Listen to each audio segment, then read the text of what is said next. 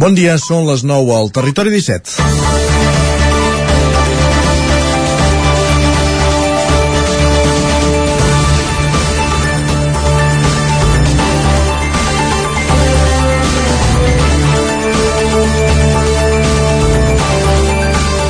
En la darrera dècada a Catalunya, empesa pel moviment independentista, hem viscut una popularització de la política.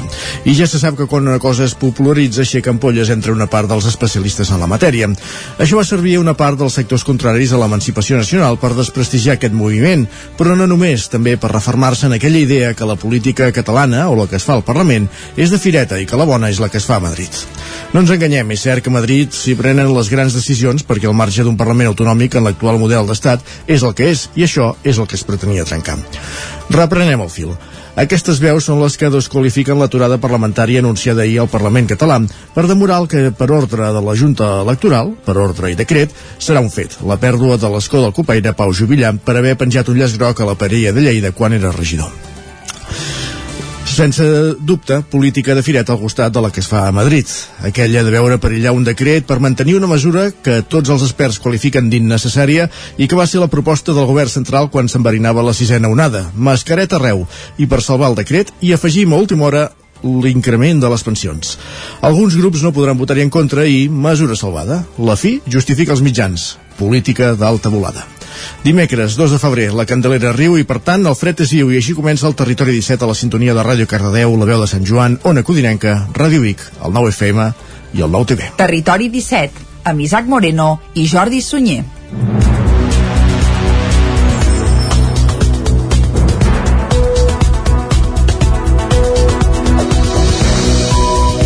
Passen dos minuts de les 9 del matí d'avui, dimecres, dia 2 de febrer de 2022. Avui va tot de dosos, 2 del 2 del 22, i a més és dia de la Candelera, com bé deies, Isaac ja ho diu eh, la tradició popular eh, i la saviesa popular. Si la Candelera plora, l'hivern és fora, si la Això de Candelera la- riu, l'hivern és... Viu! Ja se sap que aquests dies de plorar poca cosa. Sí, Marcel. no, plorar en el sentit de ploure no és el que acaba de fer meteorològicament parlant i tant de bo perquè és cert que fa molta falta.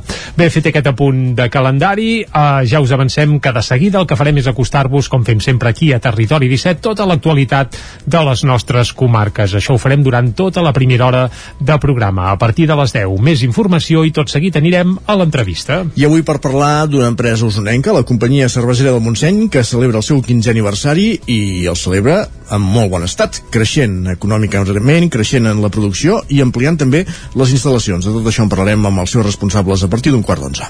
Doncs de cervesa parlarem un quart d'onze. A dos quarts serà el moment de piulades, de la taula de redacció i abans de les onze parlarem de literatura al lletra ferit. Avui amb Isaac Muntades des de la veu de Sant Joan per parlar amb l'historiador Miquel Sitjà i el director del Festival Terra Gollut de Ribes de Freger, de Ribes de Freser, Joaquim Roquem, que, por, que han fet un llibre que porta per títol El misteri dels Goluts o Nans de Ribes. A les 11 actualitzarem butlletí informatiu i tot seguit qui ens visitarà avui, tot i ser dimecres, és en Jordi Soler, oi? I amb ell farem la sessió de PNL a l'Espai de l'Alegria Interior. Exactament, hem fet un canvi aquesta setmana. Avui tindrem Jordi Soler amb l'Alegria Interior i demà serà el torn del Territori Sostenible amb en Jordi Givert. A dos quarts d'onze pujarem al tren, com cada dia, a la R3, a la Trenc d'Alba, i avui, com que és dimecres, acabarem fent un repàs a l'agenda cultural de teatres i auditoris per aquest proper cap de setmana. Fent un recorregut per les diferents emissores que fan possible cada dia aquest programa per tancar el programa d'avui dimecres 2 de febrer, dia de la Candelera, ho hem dit I ara el que toca per arrencar és, com sempre, fer un repàs a l'actualitat de casa nostra, a l'actualitat de les comarques del Ripollès, Osona, el Moianès i el Vallès Oriental. L'oci nocturn reobrirà el dia 11 de febrer i la Generalitat també es planteja suprimir els confinaments de grups a les escoles ben aviat. Són dos dels anuncis que va fer el govern després de la reunió del Consell Executiu. Pel que fa als centres educatius, només s'hauran de quedar a casa els alumnes amb positiu de Covid o els que tinguin símptomes. S'acabaran, per tant, els confinaments de grups a primària que ara es produeixen quan hi ha 5 positius o quan hi ha el 20% dels alumnes d'una classe amb Covid. Els alumnes no vacunats podran anar a classe encara que siguin contactes estrets d'un positiu. El govern segueix així la petició de la Societat Catalana de Pediatria, que també demana eliminar les mascaretes a l'escola. La mascareta, però, ja han avisat que de moment s'hi mantindrà. Escoltem la portaveu del govern, Patricia Plaja. El govern vol en la mateixa línia que ha fet públic la Societat Catalana de Pediatria que els propers dies desapareixin les quarantenes als centres educatius. Els nens que no tinguin símptomes i que siguin negatius d'una prova de Covid no hauran de quedar-se a casa.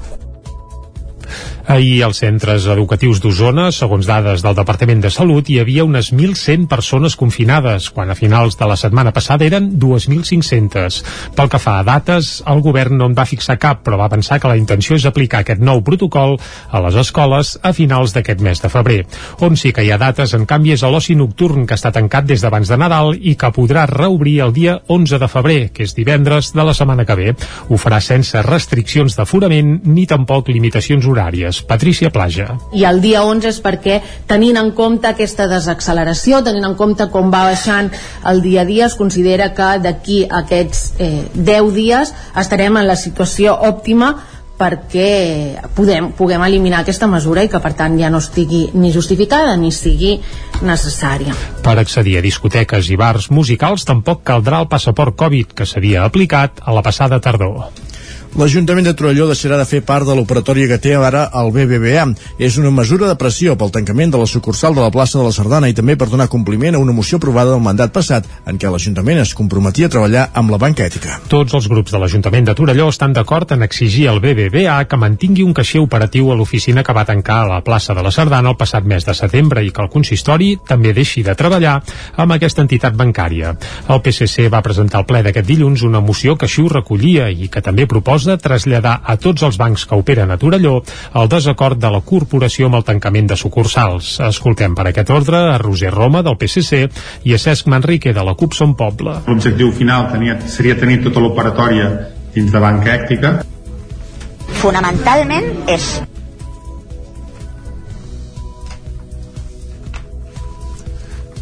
Bé, escoltàvem en primer lloc, ara sí, que ja que han tancat l'oficina almenys ens posi un caixer al barri de Montserrat perquè ni botiguers ni persones s'hagin de desplaçar per anar a buscar o ingressar diners. I ja que la nostra pressió no és suficient, també demanem i exigim a l'Ajuntament que retiri tots els comptes corrents i moviments econòmics que té amb aquesta entitat bancària. Si anem a un local, evidentment que creiem que hi ha d'haver-hi com a mínim un caixer per donar tota aquesta atenció a la ciutadania, però si anem més al fons, aquí al final eh, eh, és un bon moment de fer pedagogia perquè és important que aquests serveis siguin públics i perquè eh, tindríem la necessitat de tenir una banca pública. Al ple, l'alcalde Marçal Ortuño va anunciar que l'Ajuntament està estudiant com retirar diversos serveis que ara té el BBVA, entre els quals el compte general, el pagament de la Seguretat Social o el taquillatge del Teatre Sirvianum. Els vol traslladar a la banca ètica en compliment d'una altra moció aprovada per unanimitat a l'Ajuntament i presentada per la CUP al mandat passat. Ortuño també explicava, però, que una part de l'operatòria s'haurà de mantenir al BBVA. L'escoltem. L'objectiu final tenia, seria tenir tota l'operatòria dins de banca èctica, però hi ha una sèrie de serveis que actualment necessiten que aquí els hi doncs, eh, facilitem les bestretes, sobretot les de benestar social, ho puguin fer, eh, els puguin fer efectives amb, amb diner metàl·lic a través d'una xarxa de caixers. D'altra banda, l'Ajuntament ha posat fins ara dues multes de 300 i 600 euros per les obres a l'antiga església de la Coromina i ha instat els propietaris a enderrocar la volta de canó i restituir la taulada. L'actuació que s'hi va fer per adequar l'edifici com a allotjament, segons l'Ajuntament, no tenia permís i no és legalitzable.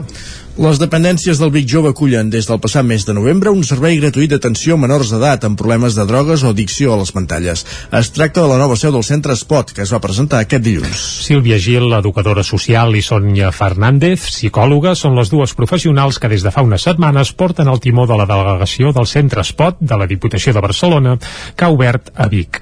Un servei gratuït que s'ofereix a les dependències del Vic Jove i que es dirigeix a menors d'edat amb problemes de drogues o addiccions a les pantalles i també a les seves famílies. Amb seu a Barcelona, el Centre Espot va néixer l'any 1981, ara fa 40 anys, en ple esclat del consum de l'heroïna. Amb els anys es van adaptant a les diferents realitats i finalment, el 2014, va focalitzar la seva tasca en els col·lectius de joves i les seves famílies. El servei, en els últims anys, s'ha anat descentralitzant amb l'obertura de noves delegacions a Mollet, a Piera i ara també a Vic. La més nova, que és aquesta d'Osona, ha obert portes amb els estralls de la pandèmia ben presents i és que el confinament ha disparat els casos de joves amb addicció a les pantalles. Ho detalla Teresa Llorenç, que és coordinadora de l'àrea d'Igualtat i Sostenibilitat Social de la Diputació. I justament amb aquest, aquest període doncs, de, de la Covid, el que hem vist realment és un creixement en la detecció en les addiccions a les pantalles. Um, aquest factor de la Covid per nosaltres creiem que ha estat un element accelerador. No? També amb dades d'aquest mateix estudi pels joves de 14 a 18 anys s'observa doncs, l'ús compulsiu d'internet que ha augmentat. Un 23,5% l'any 2021 respecte al que hi havia en el 2019 que era un 20% i també hi ha un augment en l'ús dels videojocs i el 7,1% presenta doncs, una possible addicció als videojocs. A banda de les pantalles, la crisi sanitària també ha disparat els casos de joves amb addiccions a les drogues, sobretot al cànnabis i a l'alcohol, i en menor grau també a l'èxtasi i als ansiolítics. Sílvia Gil és educadora social del Centre Espot de Vic. Fonamentalment és alcohol i cànnabis vale? en quant a, tòxics, a tòxics i sí que és cert que estem veient un repunt en quant a consum d'èxtasis, pastilles, benzos vale? ansiolítics que moltes vegades s'agafen o sigui, això que semblava que estava molt parat la pandèmia ho està, estem començant a notar que, que s'està disparant però fonamentalment és el cannabis el nou centre Espot l'ha impulsat la Diputació de Barcelona amb la complicitat del Consell Comarcal d'Osona i les àrees bàsiques de Vic, Manlleu i la Mancomunitat La Plana. Comença la segona fase de les obres per recuperar el refugi antiaeri de la plaça de l'Ajuntament de Ripoll.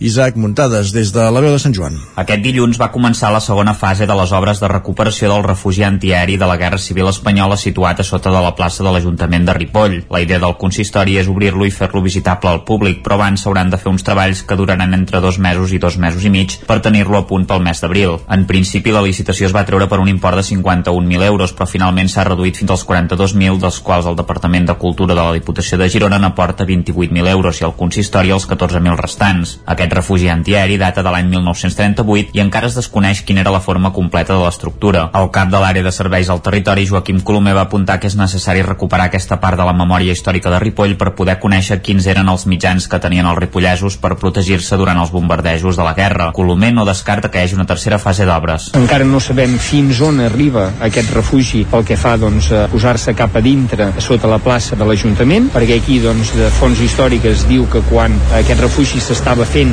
es va parar perquè estava molt a prop doncs, del canal i que per tant això podia fer que amb alguna explosió doncs, s'inundessin aquests conductes o aquests eh, passills interiors i per tant es va parar, però no sabem exactament fins on arriba. En tot cas, amb aquesta segona fase arribarem fins al màxim que podem, però poder no descartem que si això va més hi pogués haver una tercera fase per intentar rescatar el 100% dels conductes que hi havia. Colomer va explicar que s'haurà de fer un estudi arqueològic amb georadars per determinar fins on arriben els túnels. A més, va recordar que el refugi tenia dues entrades, una on seria la terrassa d'on hi ha ara el bar Pirineu al sector oest i l'altra al sector est, en què existien dues rampes per baixar-hi i que ara se'n vol consolidar l'entrada, excavar els interiors i adequar-los amb il·luminació i fer-los accessibles. Les obres obligaran a suprimir les places d'estacionament i càrrega de vehicles elèctrics, però està previst que aquestes es mouran en poc temps a la plaça Abat Arnulf, on també hi haurà estacionat el vehicle compartit de Som Mobilitat. A Ripoll també hi ha tres punts més de recàrrega d'Endesa situats al passeig de la Farga Catalana, la Ronda Castelladral i el carrer Sant Francesc, a davant del CAP. Tornant al refugi, quan aquest sigui visitable, només s'hi podrà entrar amb un guia amb visites programades, ja que en haver-hi un sol accés i en ser un espai de mides reduïdes, es podrà controlar millor. Per tant, estarà tancat al públic fora d'aquests horaris que caldrà definir. I a Caldes de Montbui, el projecte per homenatjar els calderins deportats als camps nazis tanca la primera part amb una visita guiada per totes les llambordes Stolperstein situades als carrers del municipi. Caral Campàs, des d'Ona Codinenca. Prop d'una cinquantena de persones van participar dissabte al matí a la visita guiada per les Stolpstein, les llambordes instal·lades a la via pública al davant dels que van ser els 13 domicilis de calderins que van ser deportats a camps de concentració nazis. L'historiador Eduard Puigventós va ser l'encarregat d'acompanyar els participants pel recorregut de Llambordes explicant la història de cada deportat. Al mateix temps, l'aula de flautes de l'Escola Municipal de Música Joan Valls va acompanyar cada moment amb una interpretació. Al final de l'activitat, l'historiador Puigventós en feia un bon balanç. Em faig una valoració molt positiva perquè en realitat eh, l'objectiu de, de les Stolpensteina, que vol dir pedres d'entrebancar-s'hi, de, diguéssim, ensopegari, és d'aquestes no? que tu vagis pel carrer, les vegis, t'hi aturis i, i llegeixis doncs, a qui estava dedicada o que facis com un petit gest doncs, de, de dignitat i d'homenatge i de record i en certa manera doncs, la millor aplicació és aquesta és anar pel carrer, eh, descobrir-les i poder explicar la història doncs, de, de qui va dedicada en aquest cas penso que el que vam fer dissabte és, és el que més s'assembla a l'objectiu inicial de, del projecte que va acompanyat doncs, d'altres doncs, coses doncs, com el llibret i, i l'exposició. La visita guiada va servir per tancar aquest primer programa d'homenatges que s'han fet al municipi als deportats locals de l'Holocaust nazi. Properament es farà un últim homenatge als mateixos camps de concentració on van morir els deportats calderins. I més qüestions, gràcies. Caral es confirma l'ajornament de més carnavals a Osona per poder-lo celebrar en una situació epidemiològica millor que és la que es preveu a finals de febrer i principis de març. Després de l'anunci de Trolló, que el, que el posposa un mes, també han anunciat canvis en dates als carnavals de Taradell, Roda i Tona. A Taradell, volem dir, la Rua de Carrosses i Comparses, que estava prevista pel dia 5 de març, es farà el dissabte 2 d'abril, amb modificacions en el recorregut per evitar els carrers més estrets. El ball final, a més, tindrà lloc a l'aire lliure. El carnaval infantil serà l'endemà, el diumenge 3 d'abril. La decisió l'han pres l'entitat organitzadora, Ràdio Taradell, i l'Ajuntament, després de parlar amb les colles que hi concursen habitualment i de descartar l'opció d'anul·lar-lo. I a Roda de Terra opten pel mateix cap de setmana. L'Ajuntament, la Comissió de Festes i els participants han decidit celebrar la Rua el 2 d'abril i qui també ha anunciat canvis és el Carnaval de Tona. La Rua infantil es farà el 25 de març i el dia 26 es farà la d'adults. Esports. La mitja 2022 de Granollers ja supera els 4.000 inscrits. La prova s'ha presentat aquest dilluns a les instal·lacions de CAC Lloreda, Canovelles, Núria Lázaro, des de Ràdio Televisió Cardedeu. La mitja marató de Granollers ja supera els 4.000 inscrits per aquest diumenge. Així ho ha explicat l'organització amb el president Toni Cornelles al capdavant aquest dilluns durant la presentació de la prova a la planta de CAC 7 Lloreda a Canovelles. A l'acte també hi han participat els alcaldes de Granollers, Canovelles, les Franqueses i la Garriga, a més del president de la Federació Catalana d'Atletisme, Joan Villuendes, i el del principal sponsor CAC 7 Lloreda Lloreda, Josep Maria Lloreda. Malgrat que les restriccions han anul·lat la mini de dissabte i els actes paral·lels, diumenge celebraran igualment les proves del quart, els 10 quilòmetres i la mitja de 21 quilòmetres, que recuperarà el recorregut habitual. A més, per aquest any, l'organització té un objectiu clar. Volen que el primer classificat faci un temps de menys d'una hora, ha explicat el president de la Federació Catalana d'Atletisme.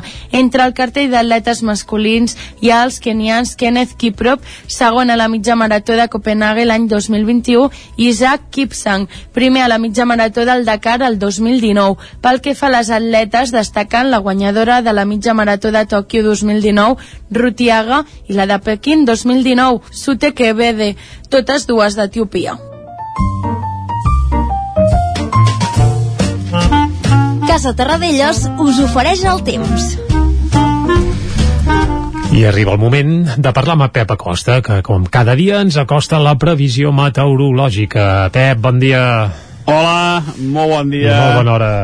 Benvinguts, oients, benvinguts, col·laboradors del programa. Gràcies, gràcies. A l'espai del temps.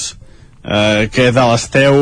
Eh, anar fent, anar fent. Uh, el temps està uh, molt, molt malament, eh? Jo Ara, pla. intento ser sempre optimista uh -huh. uh, soc bastant això, eh, optimista soc uh, sempre ho miro tot bé uh, menys el Barça, el Barça sí que soc bastant bé, el Barça és una altra cosa tribunero eh? la vieja usança sí, sí, sí. però vale, vale. el temps està molt, molt, molt malament uh, només faltava aquest vent uh, aquesta nit un vent que ha estat càlid amb unes uh, mínimes molt elevades a les zones muntanyoses uh, molt per sobre de, de la temperatura positiva uh, l'orografia en aquestes zones uh, fa que aquest vent sigui més càlid i, i, i, i només faltava això, eh? només faltava aquest vent amb tot com està de sec uh, el vent òbviament encara seca més i per tant la situació comença a ser mm, no sé com diria eh uh, dantesca ho podria dir dantesca o és que se m'acaba ja els adjectius uh, uh, només ha fet mica fet a les valls i, i és que durant el dia d'avui les temperatures dispararan, eh? Uh, aquest vent uh, que ha girat de nord uh, està girant cap a, um, cap a ponent, cap a sud, i farà que les temperatures realment es disparin. Eh? Atenció que a migdia que vam trobar màximes 18, 19, 20 graus a moltes zones, per tant, un panorama, situació molt, molt dolenta, molt dolenta, eh, amb un ambient amb molt de sol, temperatures pujant, i amb aquest vent que per sort n'hi ha a la baixa, eh, perquè és un vent perillós, amb sec que és un vent molt, molt perillós eh, i això les temperatures aniran pujant eh, tot i que ben afluixarà eh, es, es, nota, es deixarà sentir i, i ja tenim aquí aquesta, aquesta entrada d'aire més càlida eh, que serà responsable de pujar les temperatures.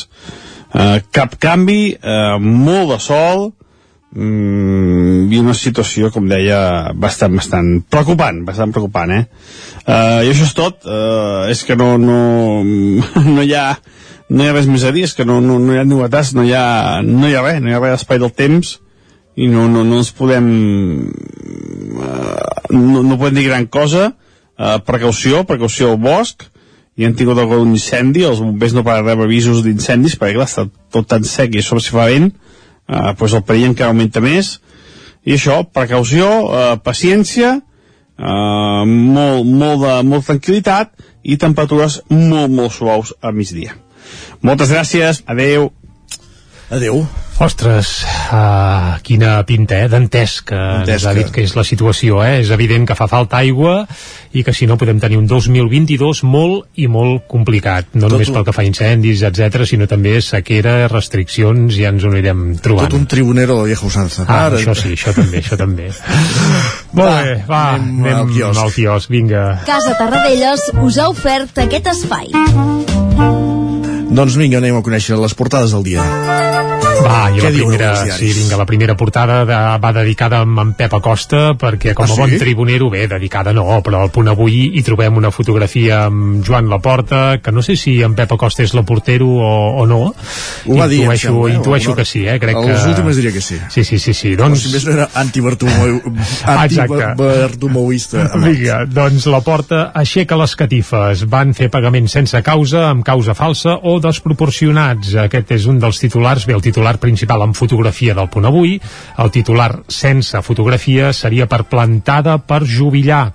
La proposta de la mesa d'aturar el Parlament deixa la cambra sota mínims. Borràs avala la desconvocatòria de comissions en espera del dictamen per l'escó, tot i que aquest matí hi havia novetats, perquè sembla que Jubillar s'ha posat malalt i que el substituirà Carles Riera a la mesa del Parlament. Això és, si més no, el que proposa la CUP, sí. Sí, això és el que proposa la CUP i aquest eh, posar-se malalt, no sé per on l'hem d'agafar, però és l'excusa que, que en teoria donen. Parlant, parlant de malaltia greu, eh, de fet, això sí. Bé, uh, més coses. Fi de la quarantena als centres educatius. Ahir el govern va anunciar que, bé, no va dir data, eh, però sí que s'acabaran els aïllaments a uh, primària, cosa que els pares ja et dic que agrairem perquè la situació actual és bastant, bastant insostenible i si s'allarga gaire en el temps pot ser, pot ser terrible però sembla que a finals de mes s'aixecarien aquestes quarantenes per als que no siguin evidentment positius de Covid L'onada ja va de baixada en teoria, per tant Sí, tot i que les dades encara fan por, eh? És que clar, sí. sembla que ja divendres ja s'acabarà tot, l'11 de febrer oci nocturn, però clar, mires els números i, i bé, això, no es pot això. dir que hagin deixat la pandèmia enrere encara. Per això encara hem de portar mascareta al carrer.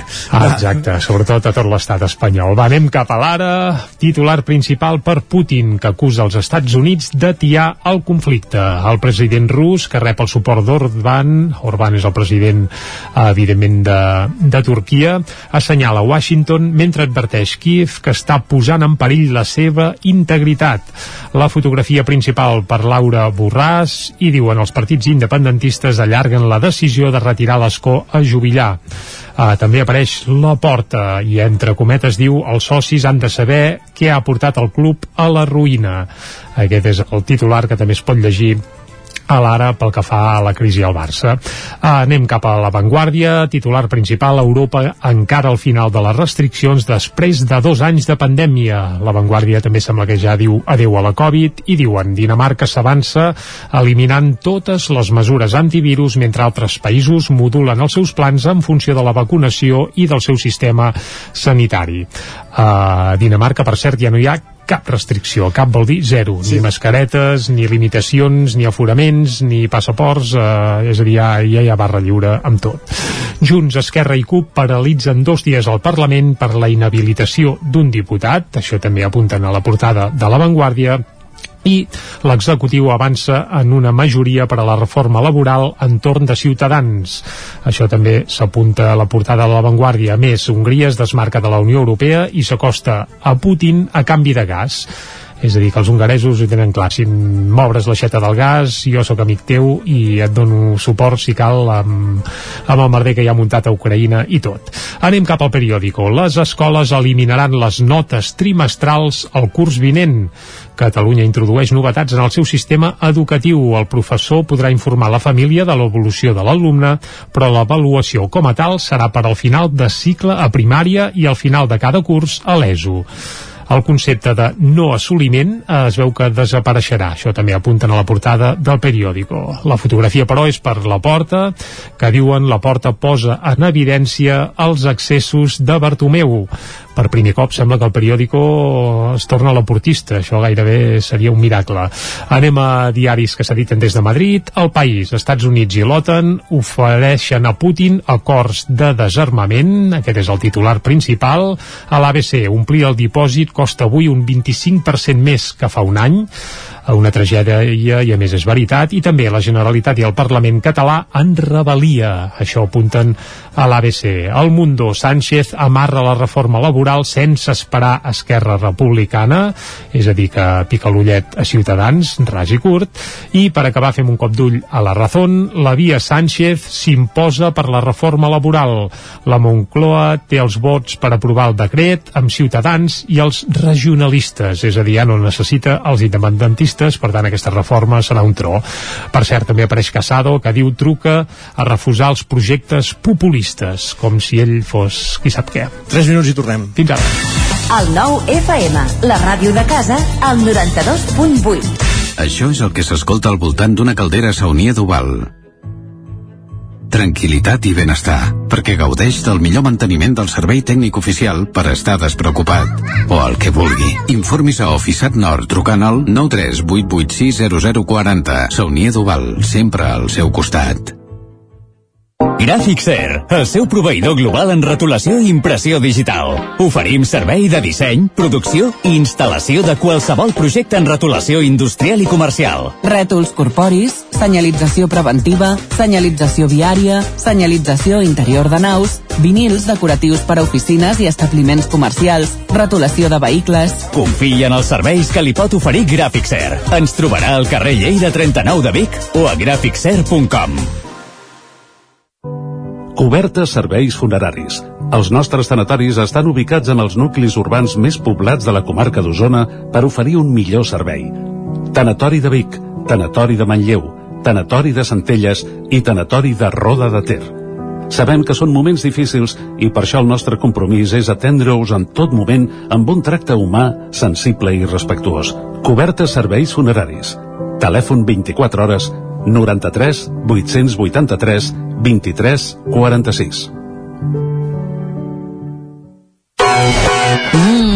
Fa que no menges pluma ibèrica de Salamanca i xuletilles de lechal a la brasa amb una bona amanida? Oh, i un xuletón de vedella gallega? O lechazo de Castilla al forn? Ah, i botillo del Bierzo amb cachelos i col? Ei, i cochinillo a l'estil de Segovia, i tot acompanyat d'un bon celler. Oh, i uns bons serranitos de pollastre, de llom, d'hamburguesa, del que tu vulguis. Per menjar la millor cuina de Lleó sense moure't de casa, vine a El Racó de León. Fem cuina tradicional lleonesa i de mercat. Vine amb la família, amb els amics, amb la parella o sol. T'encantarà. El racó de León. Som al carrer Torelló 35 de Vic. Reserves 93 889 1950. Tanquem els dimarts. El racó de León. Vine a tastar una cuina diferent. Cefusol, centre de formació de soldadura GURB. Som especialistes en processos de soldadura. Disposem d'instal·lacions totalment equipades per a classes de teòrica i pràctica amb cabines individuals i equipaments de seguretat. Assessorem empreses i oferim cursos subvencionats i bonificats.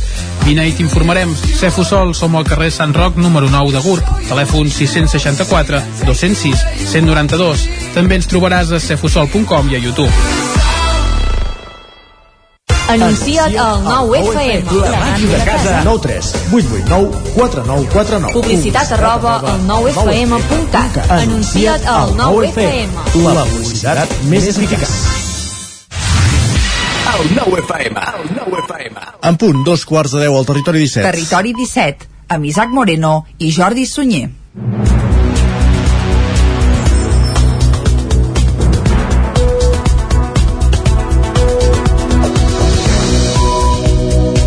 Dos quarts de deu en punt d'avui dimecres, dia 2 del 2 del 2022. Avui va de dosos, dia també de la Candelera i dia en què, per exemple, descobrirem qui són els afers domèstics.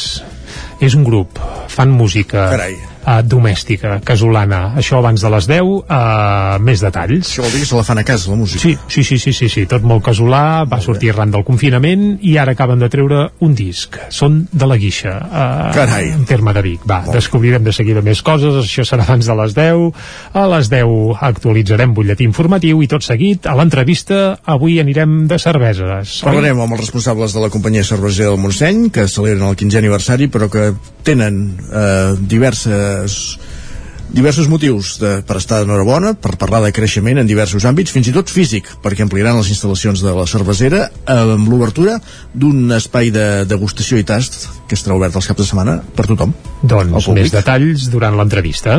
A dos quarts d'onze serà el moment de les piulades, ens visitarà en Guillem Sánchez, tot seguit anirem a la taula de redacció i avui és dimecres, per tant toca lletra ferits. I pel Lletra Ferits anirem amb l'Isaac Muntades a la veu de Sant Joan per parlar amb l'historiador Miquel Sitjà i el director del Festival Terra Gollut de Ribes de Freser, Joaquim Roquer, sobre el llibre que han publicat a quatre mans, El misteri dels golluts o nans de Ribes. Doncs tot això al Lletra Ferits. A les 11, més informació i després qui ens visitarà és en Jordi Soler. Exacte, l'espai d'alegria interior que fem els dijous cada 15 dies. Aquesta setmana l'hem avançat a dimecres. Hem fet un canvi. De fet, demà serà el torn del territori sostenible amb Jordi Givert. A dos quarts de dotze, com cada dia, pujarem al tren, a la Trenc d'Alba, i avui, com que és dimecres, acabarem fent un repàs a l'agenda cultural per aquest proper cap de setmana. Exacte, serà la recta final del programa i en connexió amb les diferents emissores del territori 17. I ara el que toca, com sempre, és acostar-vos de nou l'actualitat de casa nostra. Ja ho sabeu, l'actualitat de les comarques del Ripollès, Osona, el Moianès i el Vallès Oriental. L'oci nocturn reobrirà el dia 11 de febrer i la Generalitat també es planteja suprimir els confinaments de grups a les escoles ben aviat. Són dos dels anuncis que va fer el govern després de la reunió del Consell Executiu. Pel que fa als centres educatius, només s'hauran de quedar a casa els alumnes amb positiu de Covid o els que tinguin símptomes. S'acabaran, per tant, els confinaments de grups a primària que ara es produeixen quan hi ha 5 positius o quan hi ha el 20% dels alumnes d'una classe amb Covid. Els alumnes no vacunats podran anar a classe encara que siguin contactes estrets d'un positiu.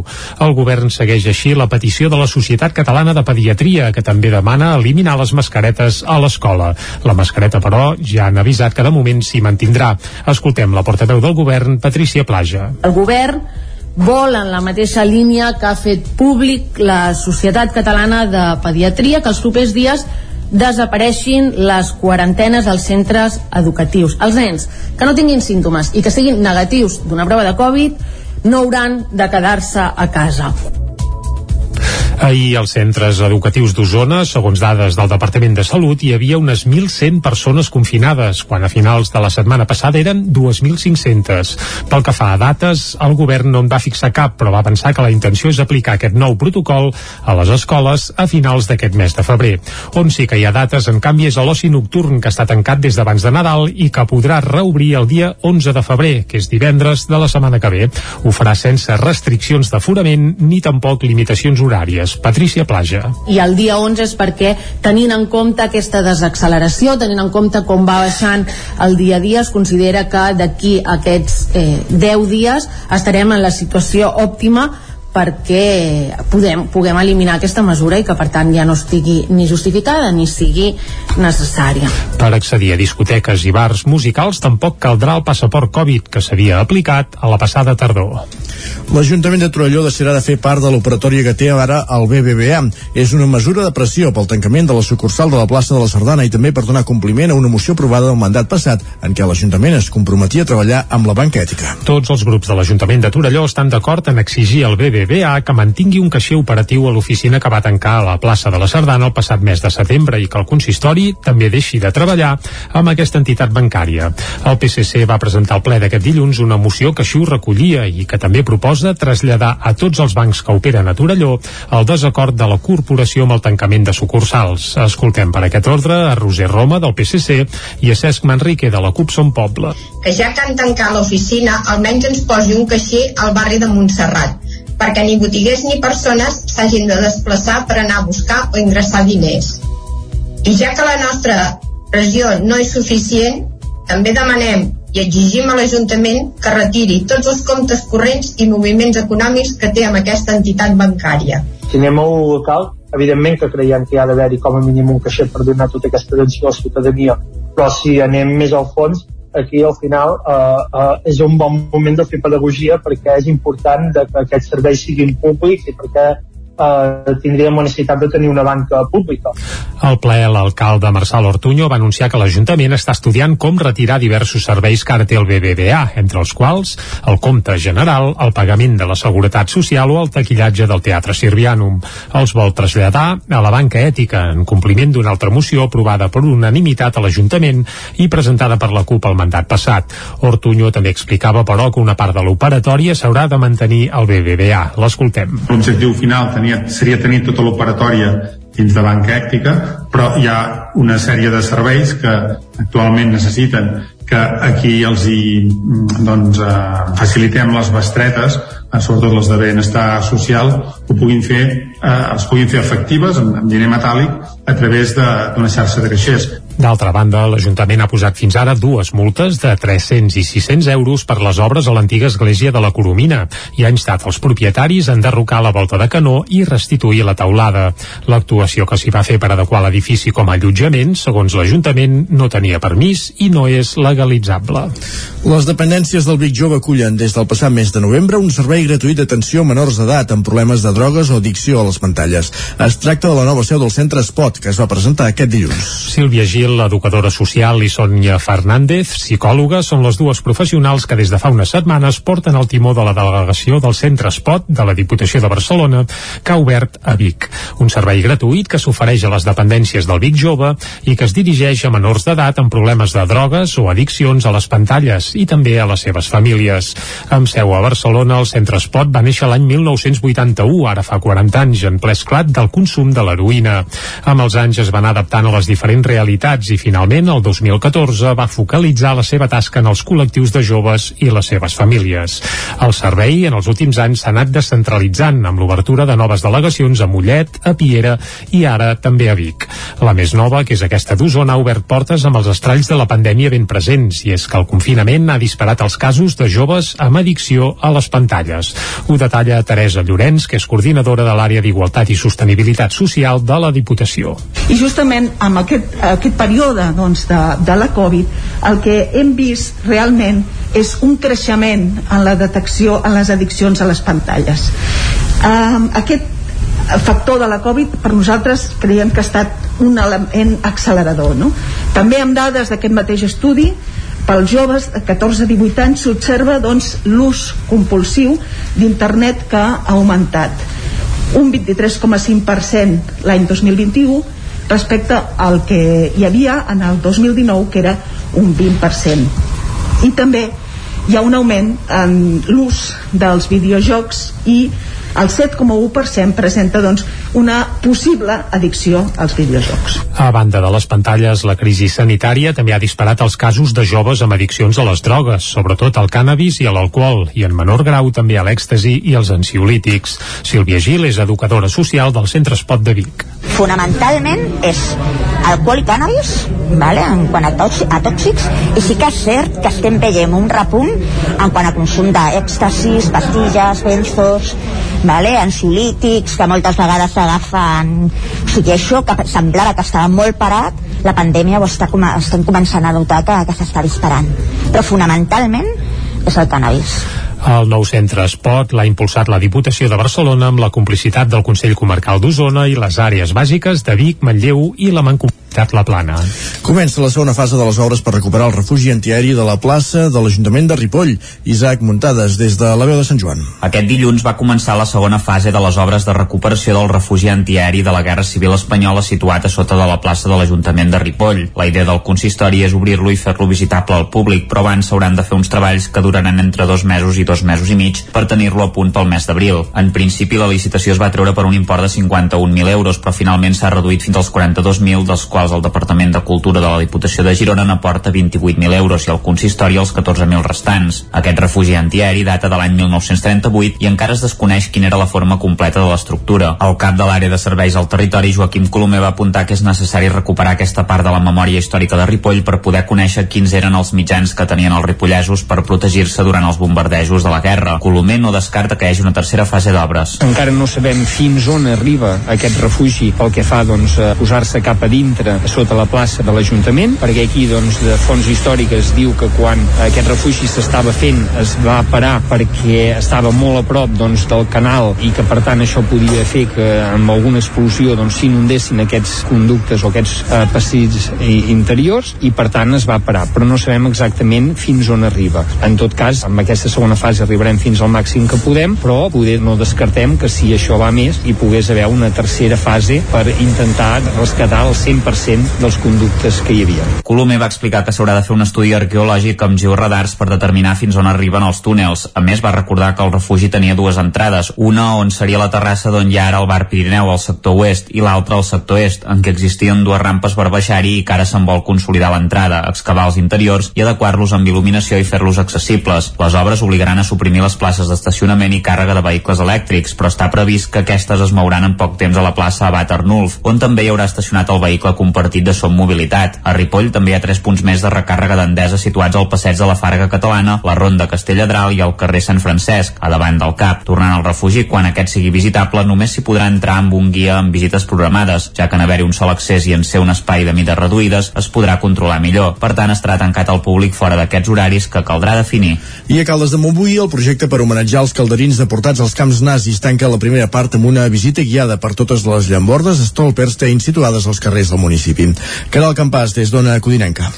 Prop d'una cinquantena de persones van participar dissabte al matí a la visita guiada per les Stolpstein, les llambordes instal·lades a la via pública al davant dels que van ser els 13 domicilis de calderins que van ser deportats a camps de concentració nazis. L'historiador Eduard Puigventós va ser l'encarregat d'acompanyar els participants pel recorregut de llambordes explicant la història de cada deportat. Al mateix temps, l'aula de flautes de l'Escola Municipal de Música Joan Valls va acompanyar cada moment amb una interpretació. Al final de l'activitat, l'historiador Puigventós en feia un bon balanç. Em faig una valoració molt positiva perquè en realitat eh, l'objectiu de, de les Stolpensteiner, que vol dir pedres d'entrebancar-s'hi, de, diguéssim, ensopegari, i és d'aquestes, no? que tu vagis pel carrer, les vegis, t'hi aturis i, i llegeixis doncs, a qui estava dedicades o que facis com un petit gest doncs, de, de dignitat i d'homenatge i de record. I en certa manera doncs, la millor aplicació és aquesta, és anar pel carrer, eh, descobrir-les i poder explicar la història doncs, de, de qui va dedicada. En aquest cas penso que el que vam fer dissabte és, és el que més s'assembla a l'objectiu inicial de, del projecte que va acompanyat doncs, d'altres coses doncs, com el llibret i, i l'exposició. La visita guiada va servir per tancar aquest primer programa d'homenatges que s'han fet al municipi als deportats locals de l'Holocaust nazi. Properament es farà un últim homenatge als mateixos camps de concentració on van morir els deportats calderins.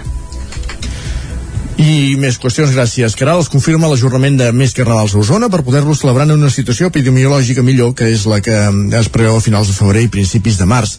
Després de l'anunci de Trolló, que el, que el posposa un mes, també han anunciat canvis en dates als carnavals de Taradell, Roda i Tona.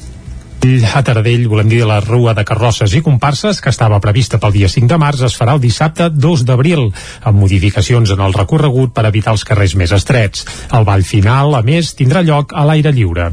El carnaval infantil serà l'endemà, el diumenge 3 d'abril. La decisió l'han pres l'entitat organitzadora, Ràdio Taradell, i l'Ajuntament, després de parlar amb les colles que hi concursen habitualment i de descartar l'opció d'anul·lar-lo.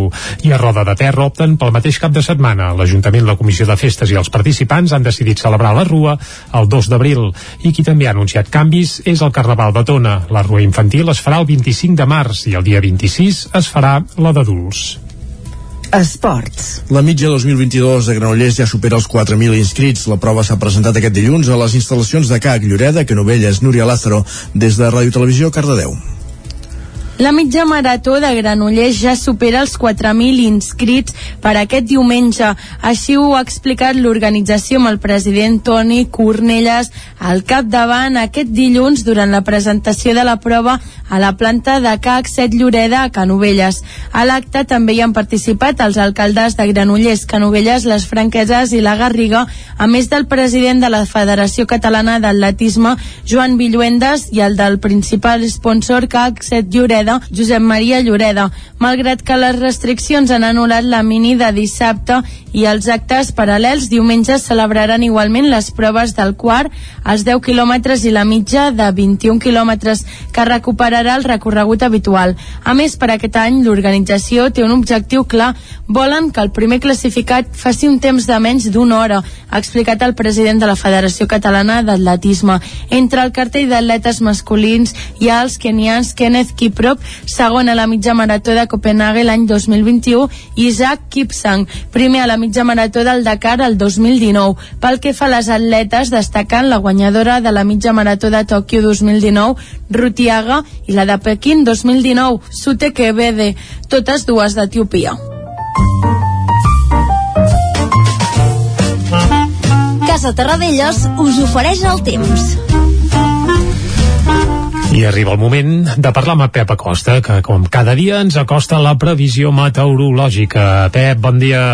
Hola, molt bon dia. Molt bona hora. Benvinguts, oients, benvinguts, clubes del programa. Gràcies, gràcies. A l'espai del temps. Uh, què tal esteu? Bé, anar fent, anar fent. Uh, el temps està uh, molt, molt malament, eh? Jo Ara, pla. intento ser sempre optimista uh -huh. uh, soc bastant això, eh, optimista soc uh, sempre ho miro tot bé uh, menys el Barça el Barça sí que soc bastant bé, el Barça és una altra cosa timonero eh? la vieja Osanza sí, sí, sí. però vale, vale. el temps està molt, molt, molt malament uh, només faltava aquest vent uh, aquesta nit un vent que ha estat càlid amb unes uh, mínimes molt elevades a les zones muntanyoses uh, molt per sobre de, de la temperatura positiva uh, l'orografia en aquestes zones uh, fa que aquest vent sigui més càlid i, i, i, i només faltava això, eh? només faltava aquest vent amb tot com està de sec uh, el vent òbviament encara seca més i per tant la situació comença a ser no sé com ho diria eh uh, dantesca ho podria dir dantesca o és que ja se m'acaba ja els adjectius uh, uh, només ha fet mica fred a les valls i, i és que durant el dia d'avui les temperatures dispararan eh? Aquest vent uh, que ha girat de nord uh, està girant cap a um, cap a ponent cap a sud i farà que les temperatures realment es disparin. Eh? Atenció que migdia que podem trobar màximes 18, 19, 20 graus a moltes zones, per tant un panorama, situació molt, molt dolenta, molt dolenta, eh, amb un ambient amb molt de sol, temperatures pujant, i amb aquest vent que per sort n'hi ha a la baixa, eh, perquè és un vent perillós, amb lo sec que és un vent molt, molt perillós.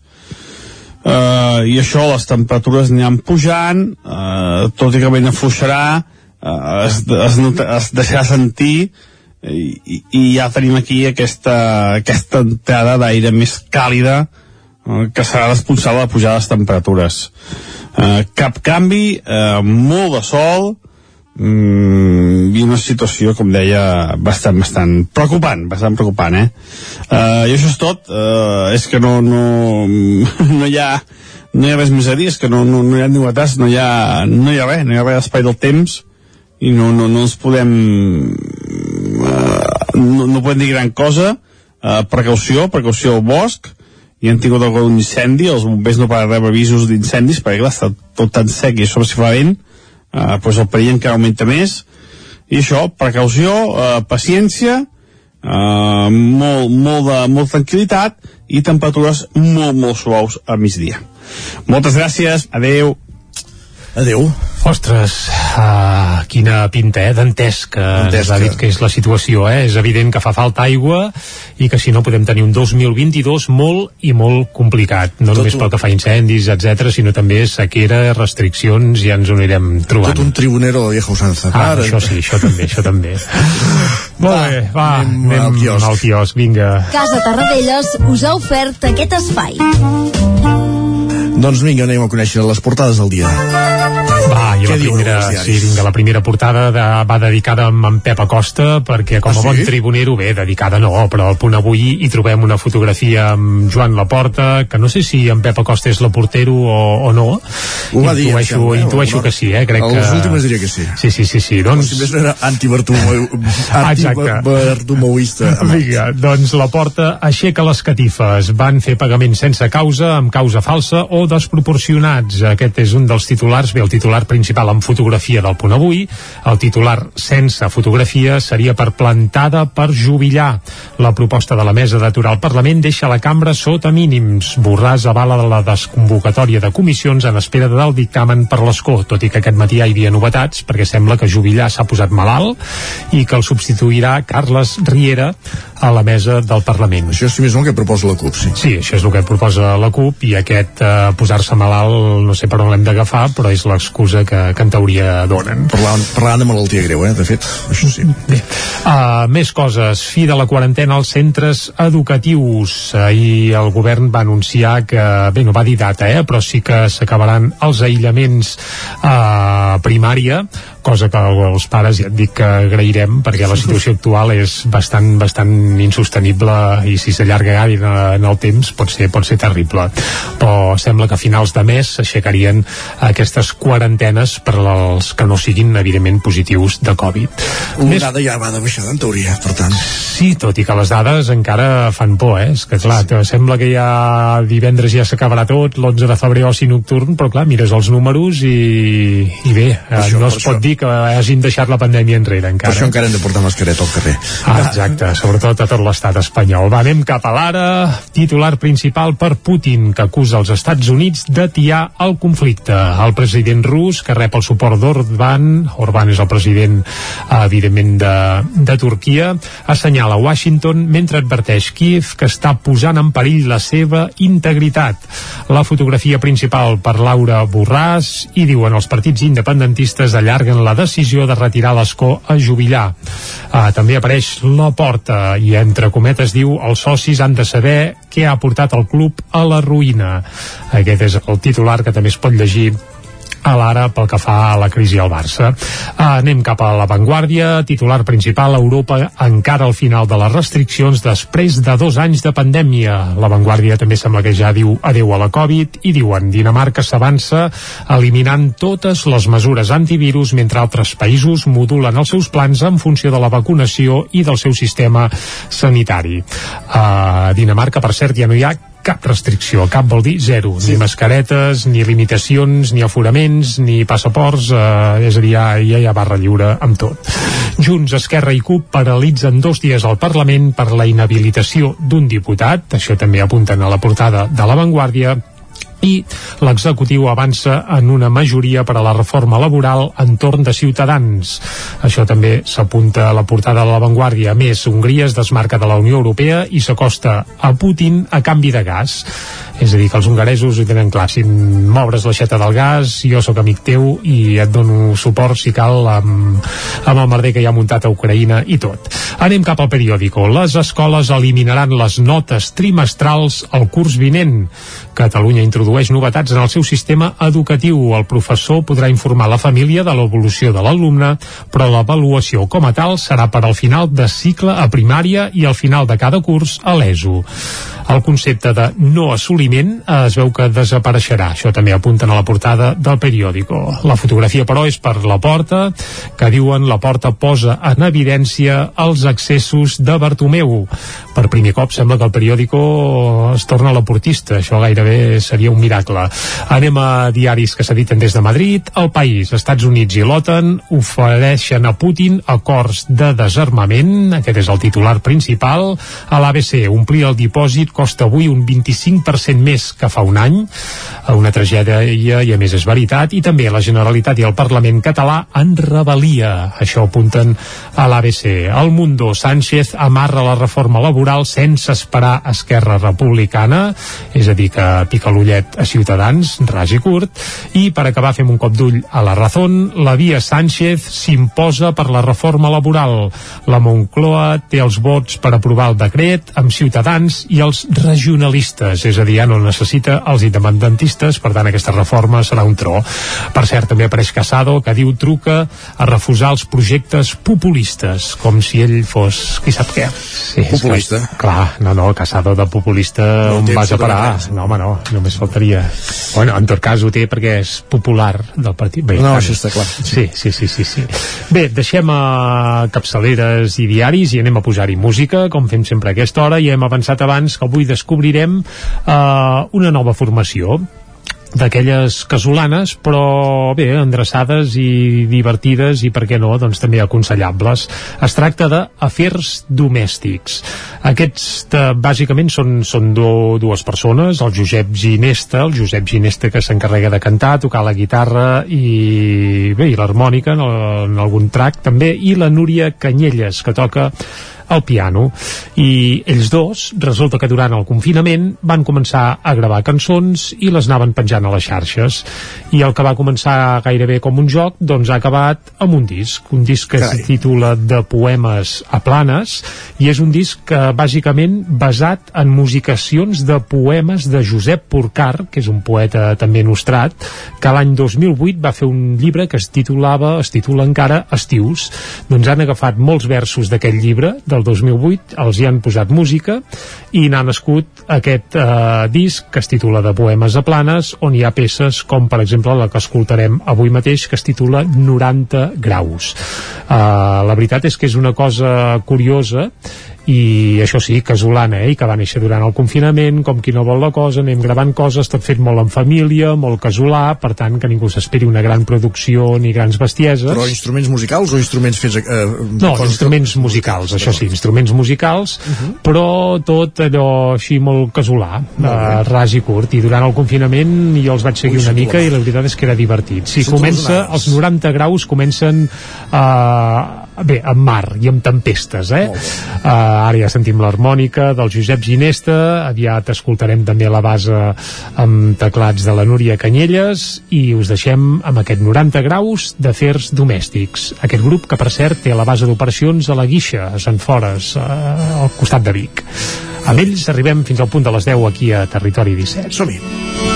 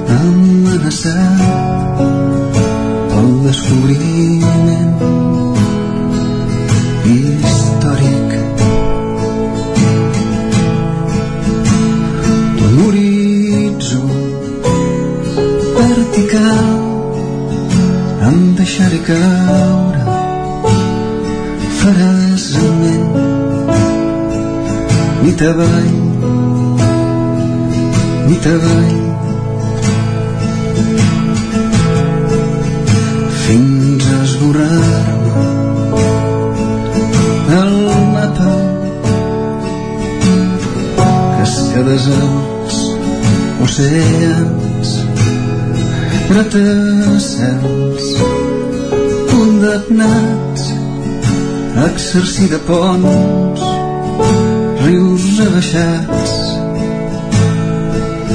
a la condició de fons esquelets de nassos enfilant-se mono per les vies del tren esquelets de nassos enfilant-se mono per les vies del tren. Tot panorama el món a l'inrevés no millorarà. La caiguda només amb la pèrdua de l'equilibri la perfeccionem no millorarà la caiguda. Només amb la pèrdua de l'equilibri la perfeccionem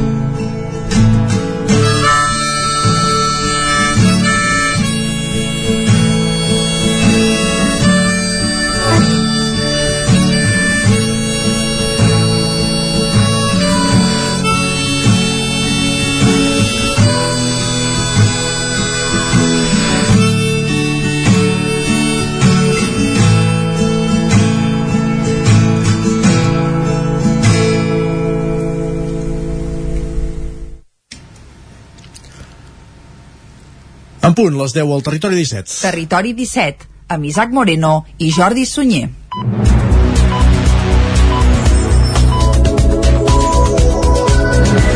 Moment al territori 17 de posar-nos al dia, d'actualitzar-nos amb les notícies més destacades de les nostres comarques, el Ripollès, Osona, el Moianès i el Vallès Oriental, i ho fem en connexió amb les diferents emissores que cada dia fan possible aquest programa. La veu de Sant Joan, Ràdio Cardedeu, Ona Codinenca, Ràdio Vic, el 9 FM i el 9 TV. A aquesta hora els expliquem que un centenar de persones assisteixen a la commemoració del desè aniversari de la delegació bigatana de l'Assemblea Nacional Catalana. La seva presidenta, Elisenda Pelusier, va ser a l'acte on també va intervenir des de l'exili l'exconseller Toni Comín. Pacífics, educats i empàtics són els tres atributs que la ninotaire Pilarín Vallès va utilitzar divendres al desè aniversari de l'ANC a Vic per definir els ciutadans de Catalunya. Uns atributs que va anar desgranant entre aplaudiments del públic que omplia l'auditori del Sucre acompanyada de les seves carismàtiques il·lustracions. Tot plegat en un acte que va comptar amb la presència de la presidenta de l'entitat, Elisenda Pelusier, que va parlar de la contradicció que suposa pels membres de l'Assemblea commemorar els 10 anys d'una entitat que va néixer amb l'objectiu de desaparèixer quan s'assolís la independència. Escoltem a Elisenda Pelusier. L'Assemblea vam néixer per desaparèixer. L'objectiu que té l'Assemblea és deixar d'existir perquè haguem aconseguit el nostre únic objectiu fundacional, que és la independència.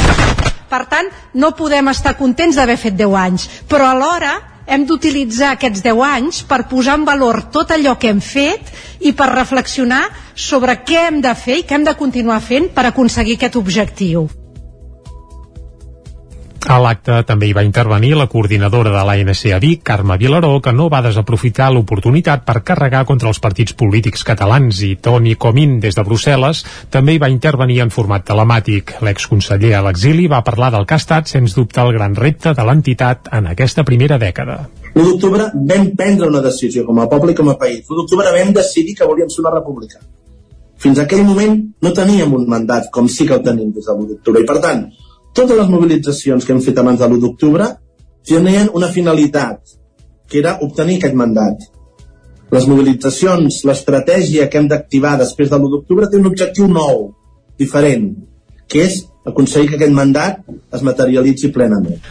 A l'acte que va plegar un centenar de persones s'hi va anunciar una nova acció pel dia 24 d'abril, el desplegament a la plaça Major de Vic d'una estelada humana gegant amb els colors de les diferents samarretes que s'han anat dissenyant al llarg d'aquests darrers 10 anys. Més qüestions aquest cap de setmana s'han detingut dues persones de Sant Pere de Vilamajor quan intentaven muntar una plantació de marihuana en una casa. Poques hores abans havien ocupat un habitatge a l'urbanització de Can Vila. Núria Lázaro, des de Ràdio Televisió, Cardedeu.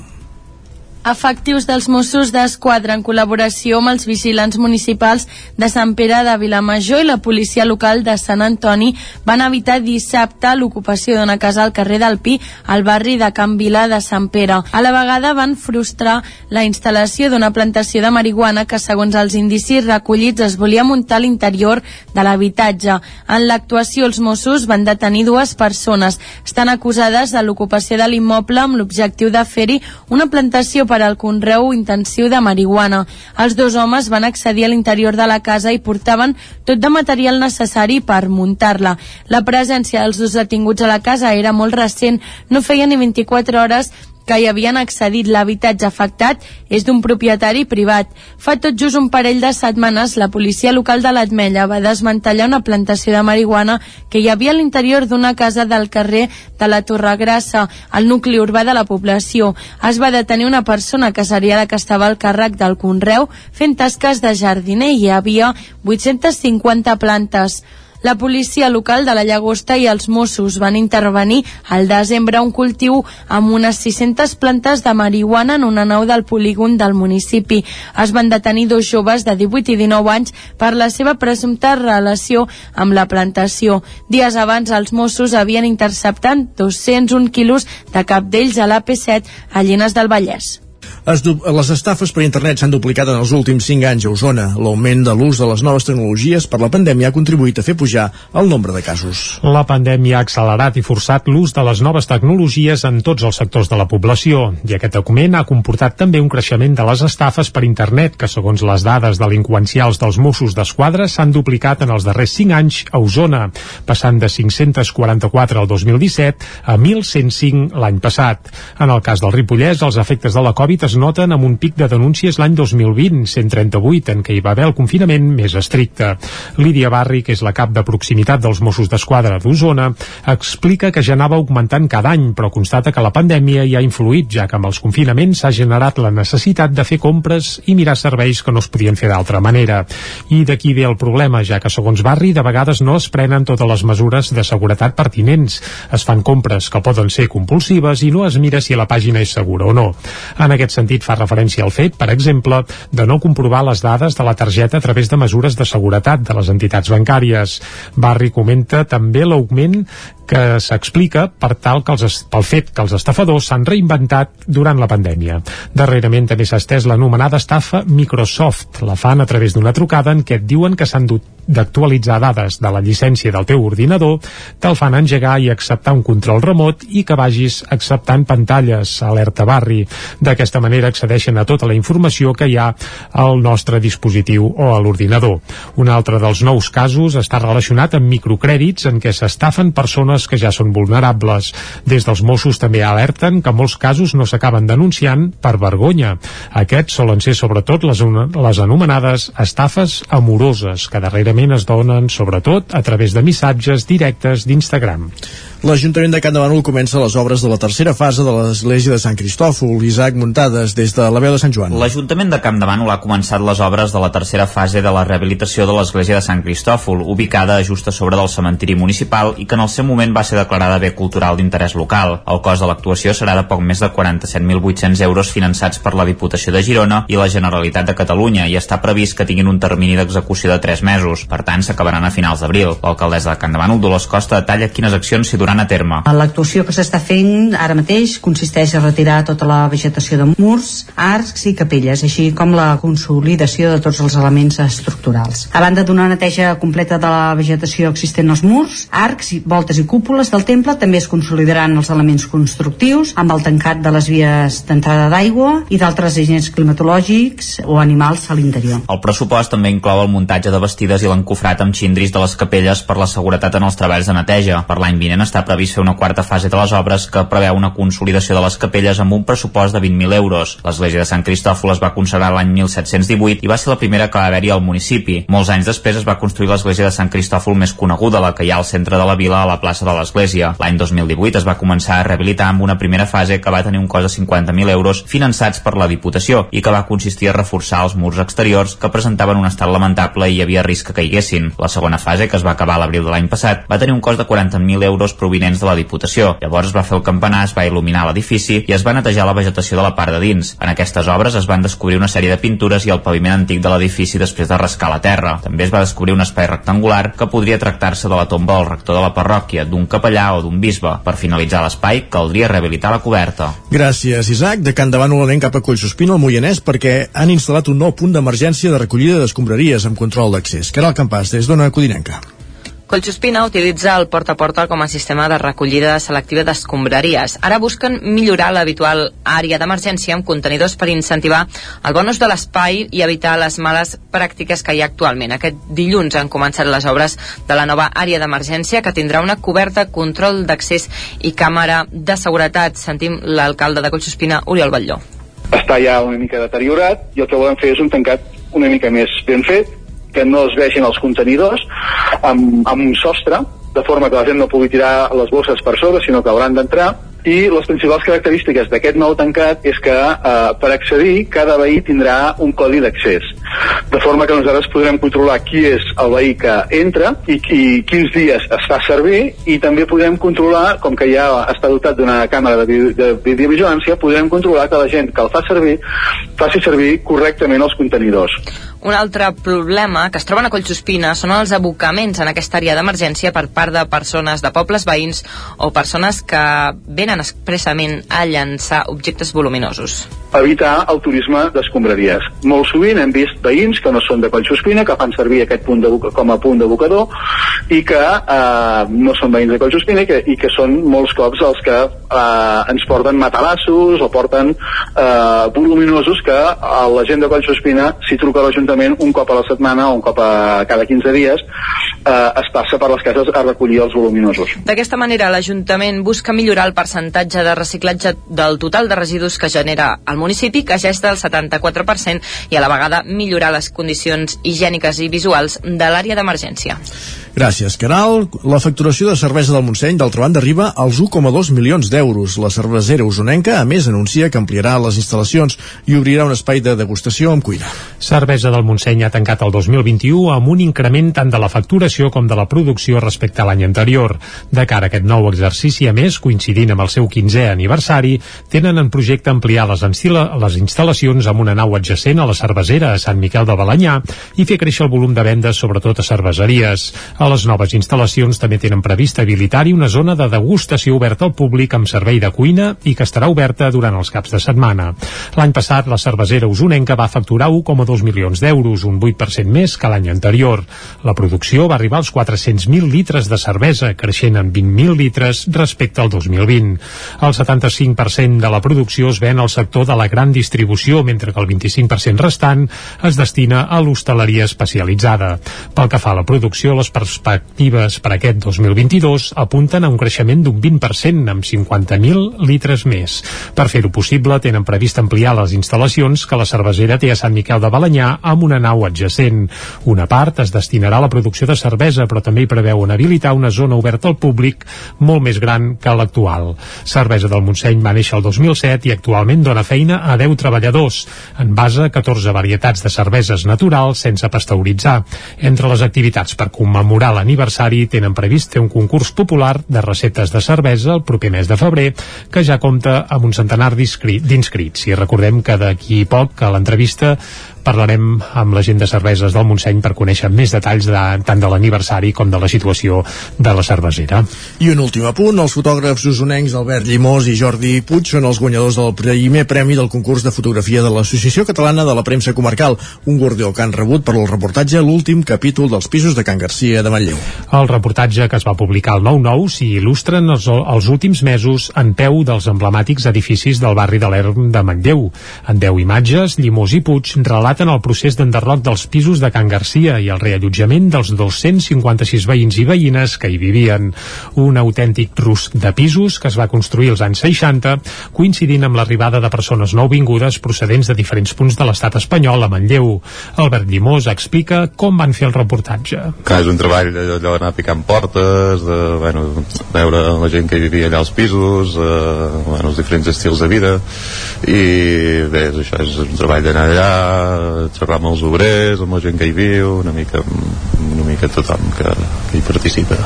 El primer premi està dotat amb un trofeu i un val per adquirir productes fotogràfics per un valor de 1.000 euros. El segon premi l'ha guanyat la sèrie de 10 instantànies Cultura, Tradició i Futur de Núria Cano, publicada al setmanari L'Ebre. I el tercer l'ha guanyat el fotògraf Ramon Buixó pel reportatge La faràndula olotina es desconfina, que va publicar la comarca d'Olot. Arribats a aquest punt, després d'aquest repàs informatiu que començava a les 10 en companyia de Jordi Sunyer, Núria Lázaro, Isaac Muntades i Caral Campàs, és moment de conèixer la previsió meteorològica.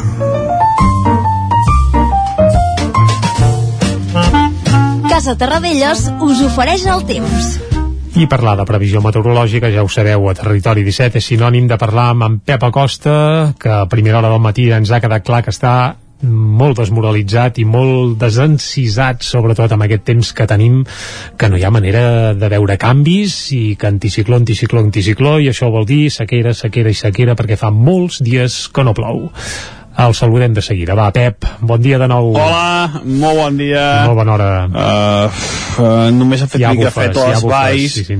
I, i és que durant el dia d'avui les temperatures dispararan, eh? Uh, aquest vent uh, que ha girat de nord uh, està girant cap a um, cap a ponent, ca- cap a sud i farà que les temperatures realment es disparin, eh? Atenció que a migdia que van trobar màximes 18, 19, 20 graus a moltes zones, per tant un panorama situació molt, molt dolenta, molt dolenta, eh, amb un ambient amb molt de sol, temperatures pujant, i amb aquest vent que per sort n'hi ha a la baixa, eh, perquè és un vent perillós, amb lo sec que està és un vent molt, molt perillós. Uh, i això, les temperatures aniran pujant, uh, tot i que vent afluixarà, uh, es, es, nota, es deixarà sentir, i, i ja tenim aquí aquesta, aquesta entrada d'aire més càlida eh, que serà responsable de de les temperatures eh, cap canvi eh, molt de sol mm, i una situació com deia bastant, bastant preocupant bastant preocupant eh? Eh, i això és tot. Eh, és que no, no, no hi ha no hi ha res més a dir, és que no, no, no hi ha novetats, no hi ha, no hi ha res, no hi ha res d'espai del temps i no, no, no ens podem eh, no, no podem dir gran cosa. No, no, doncs ja ho precaució, precaució al bosc i han tingut algun incendi els bombers no poden rebre avisos d'incendis perquè clar, està tot tan sec i sobre si fa vent eh, doncs el perill encara augmenta més.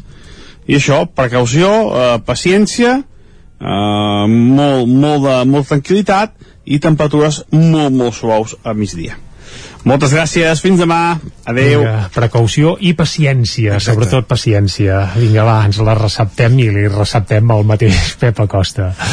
Anem ara... A l'entrevista. A l'entrevista, vinga, som-hi. Casa Tarradellas us ha ofert aquest espai.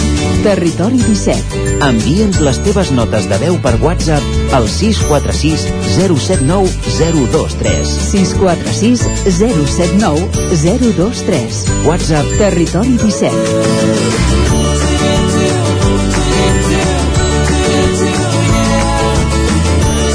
Territori 17. Som a Facebook, Twitter i Instagram amb l'usuari Territori 17.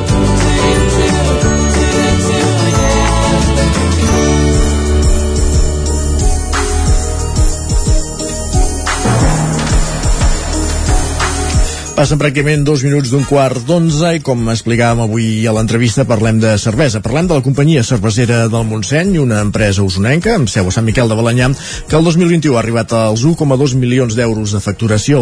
La cervesera usonenca més ha anunciat que ampliarà les instal·lacions i obrirà un nou espai de degustació amb cuina al llarg d'aquest 2022. Per parlar-ne tenim a l'altre cantó del fil telefònic l'administradora de cervesera del Montseny, Olga Munts. Bon dia. Hola, bon dia. Com estem, primer de tot? Molt bé, molt bé, aquí. Perfecte. Uh, això, uh, aquesta setmana passada coneixíem aquestes dades de creixement de, de la companyia cervesera del Montseny, creixement en producció i creixement, evident, en volum de, de facturació. Uh, esteu en un mercat, el de la cervesa artesana, els de la cervesa especialitzada, diguéssim, uh, on encara hi ha moltes perspectives de creixement, per entendre'ns, després Sí. de 15 anys d'història de la companyia.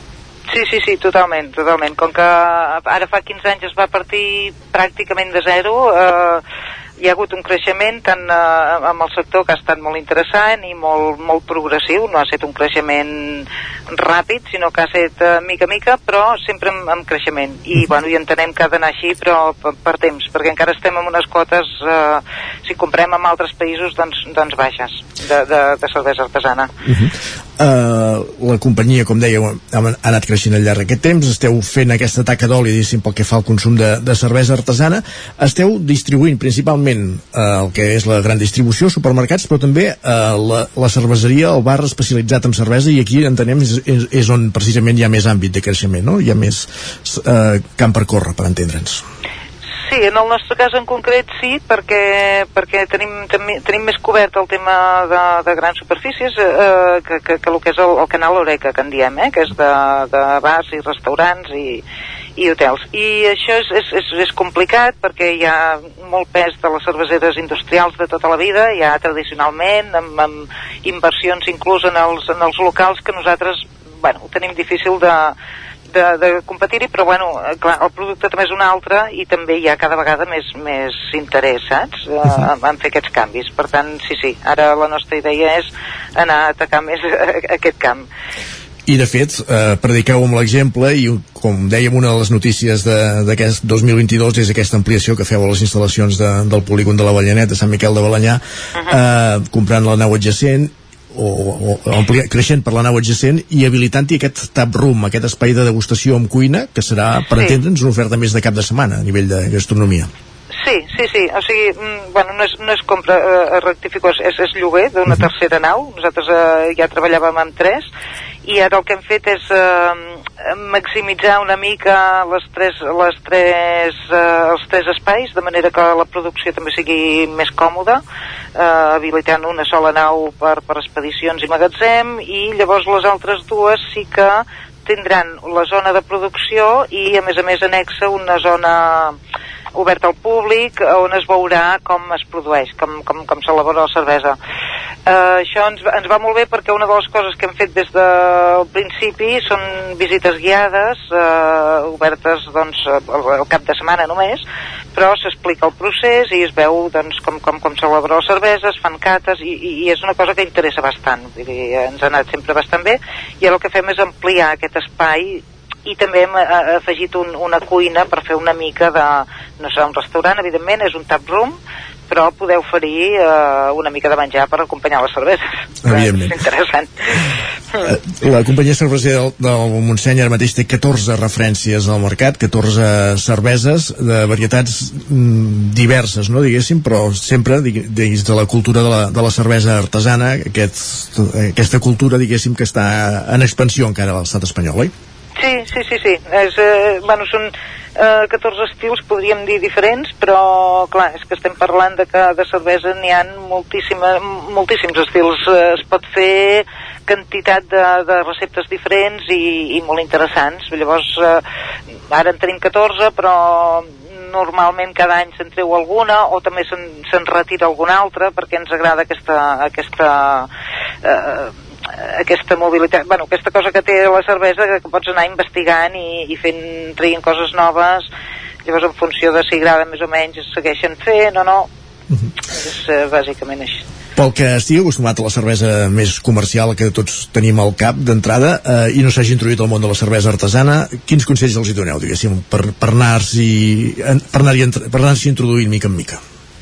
Jo penso que és molt interessant que, que es treballi, o sigui, que es provi, que es provi, que es provi. O sigui, eh, el tema és que quan, quan estàvem habituats a un sol tipus de cervesa o un sol estil, que és el, el que més normal trobem al mercat, el més industrial, el paladar en certa manera també s'hi habitua i, i, i tendeixes a dir ostres, eh, aquesta cervesa és, és superbona o aquest producte, eh? també passa amb altres productes en canvi quan obres el, el paladar i la, la, els gustos a, a nous, a, a nous eh, nous estils i tal de cervesa, vas donant compte que, ostres, el ventall és enorme i val la pena provar-lo perquè mm, vas descartant el que ja tenies com a bo quan, quan et dones compte que hi ha molta més gamma i molt... Jo penso que és entrar-hi, entrar-hi, degustar-ho, eh, fer maridatge si convé, buscar informació de cada estil, és molt interessant. O sigui, és, és, és, és maco d'entrar de, de, perquè perquè ho descobreixes, no? Descobreixes... Eh, això passa amb tot, eh? També passa amb el vi, passa... És, és el que anava a comentar ara. Estem... Amb, amb, amb els plats. Estem, és el que anava a comentar. Estem molt acostumats als maridatges eh, amb vins. El sector vitivinícola té molt, eh, molta feina feta en aquest aspecte i entenc Exacte. que el món cerveser, diguéssim, també vol demostrar, diguéssim, que es poden treballar amb cervesa de la mateixa manera. Totalment, totalment. És, és un, un mercat que no es coneix tant, però és molt similar i també, eh, encara que no...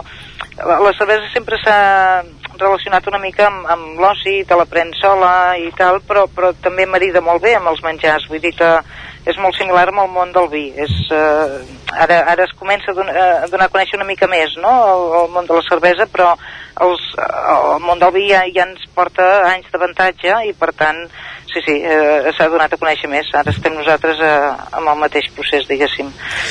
Abans de l'informatiu donàvem dades, l'any passat vau produir 400.000 litres de cervesa, 20.000 més que, que l'any anterior. Això sí, la producció o la distribució pràcticament es queda tota, hi ha molt poca que surti, a, a l'estat espanyol. Eh, durant aquests 15 anys heu fet, intentat fer incursions al mercat americà, altres mercats europeus. Eh, costa, entenc, que són mercats molt poc permeables?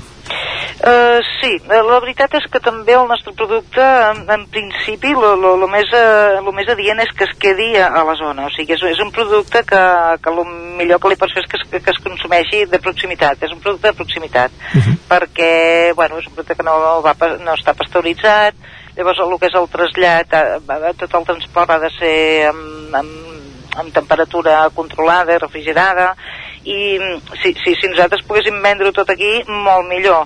Però també és veritat que a tots els països hi han distribuïdors, hi ha gent que vol provar coses de fora i per tant sí que trobes el, el, el client no? que et ve a buscar, que vol una cervesa doncs, catalana, espanyola, el que sigui.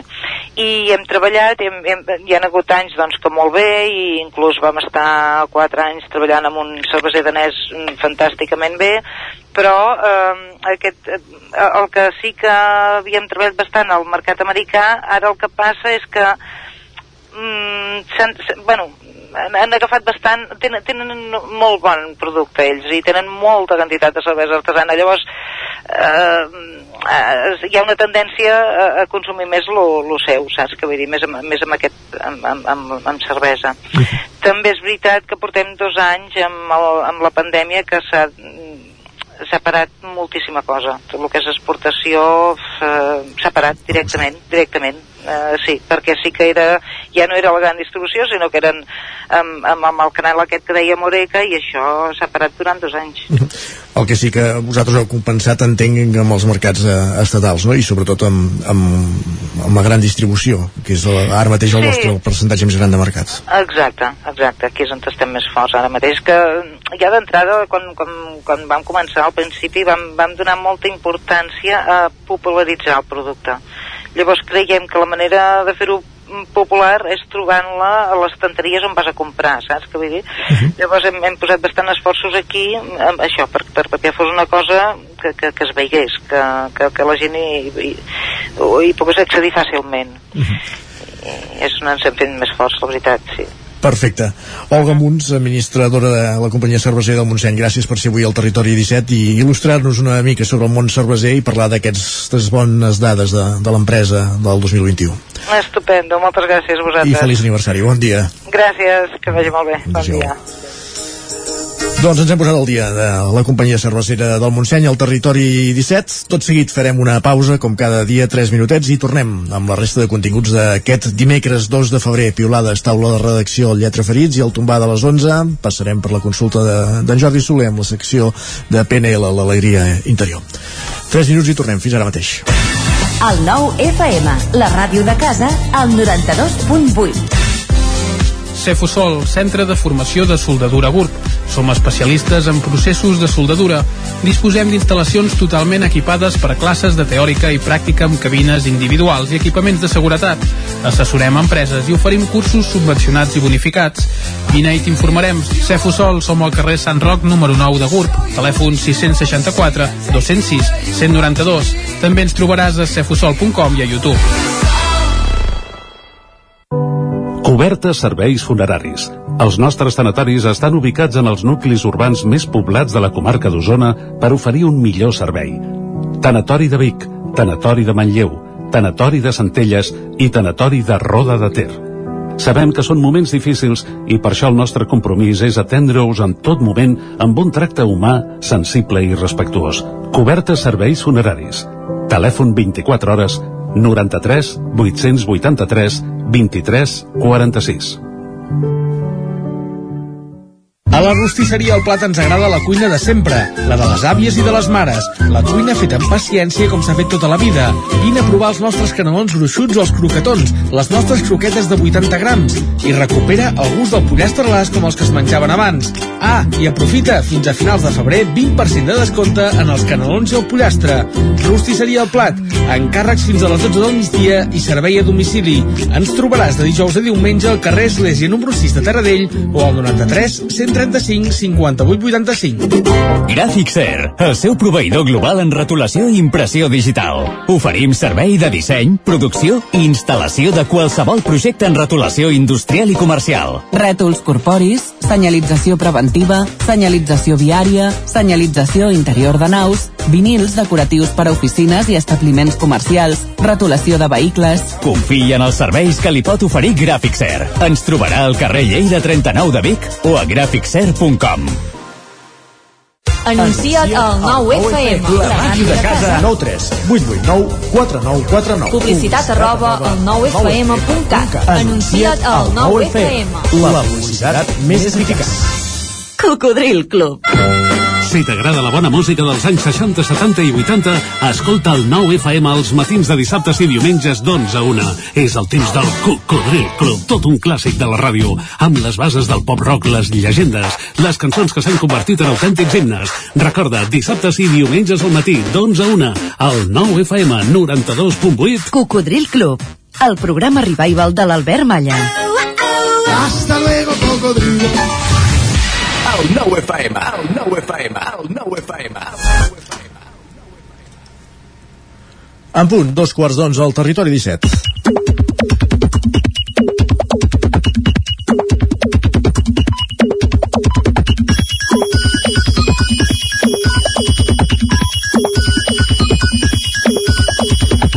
I a aquesta hora, com cada dia, qui ens acompanya a l'estudi és en Guillem Sánchez. I tant, i ja el tenim aquí, i per tant ja el saludem. Guillem, bon dia. Bon dia, bon dia.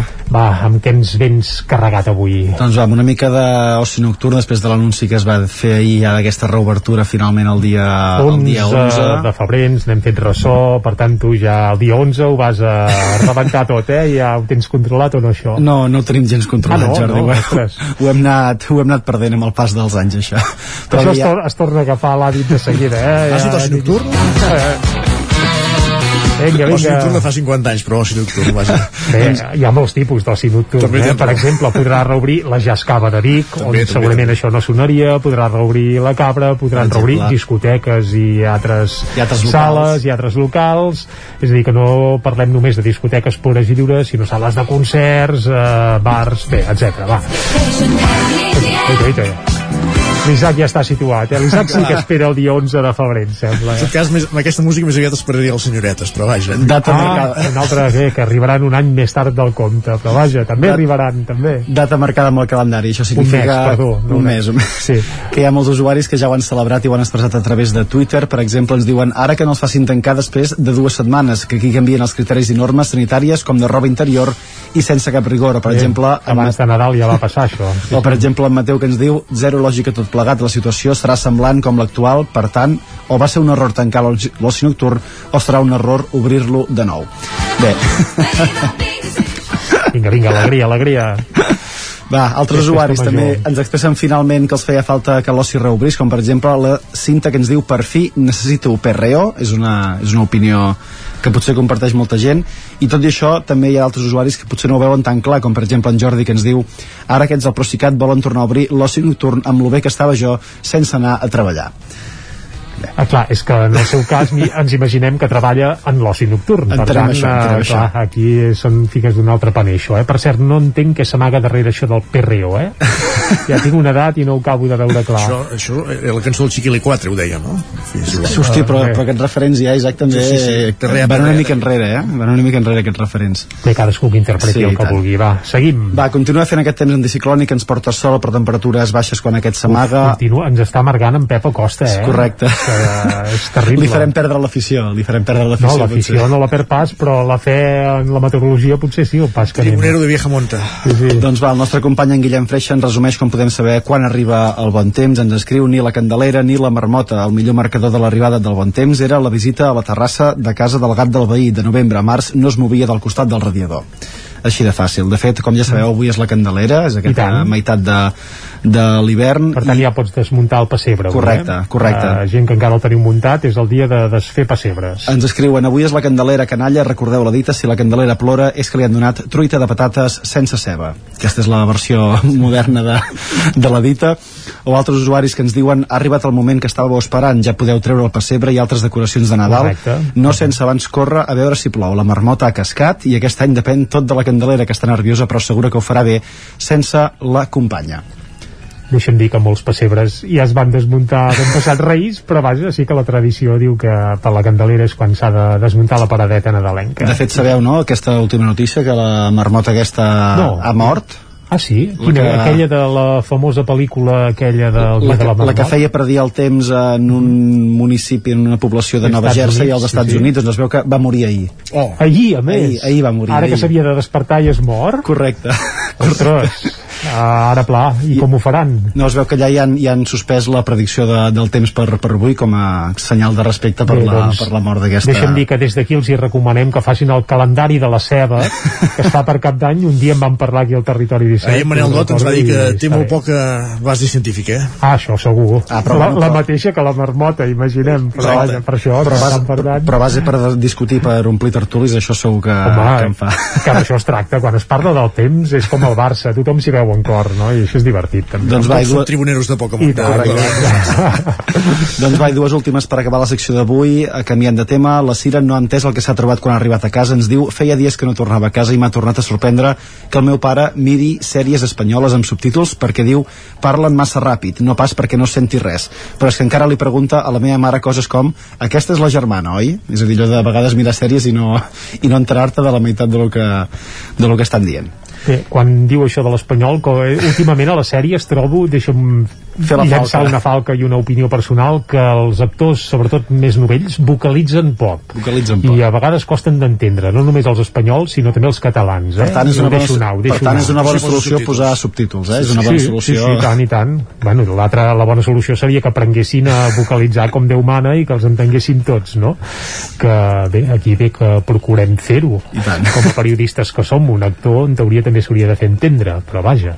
Doncs a va. vegades volen reproduir tant el que passa al carrer que després calquen que no s'entén res. Però hem fet la falca, hem posat sí, el dit a la llaga i pitapi i tirem endavant. Doncs va, per acabar una reflexió de la Nàdia, diu teniu els ídols que teniu perquè no coneixeu a la noia del gimnàs que després de dutxar-se es posa directament al pijama i ale cap a casa. Això, això sí que és un petit, petit plaer que recomano a tothom. Anar al gimnàs i Anar- posar-se sortir en pijama, ja... Anar al gimnàs, posar-se el pijama, jaqueta per sobre i agafar el cotxe o caminant cap a casa i arribar i ja estàs preparat per, per fer el que hagis de fer a casa però amb el pijama. Que ho recomanes vol dir que ho fas tu, eh? Jo ho havia fet quan era petit i anava a futbol i em dutxava i sortia a les 10 de la nit amb el pijama posat, t'estalviaves moltes bronques a casa també. Uita, que bé.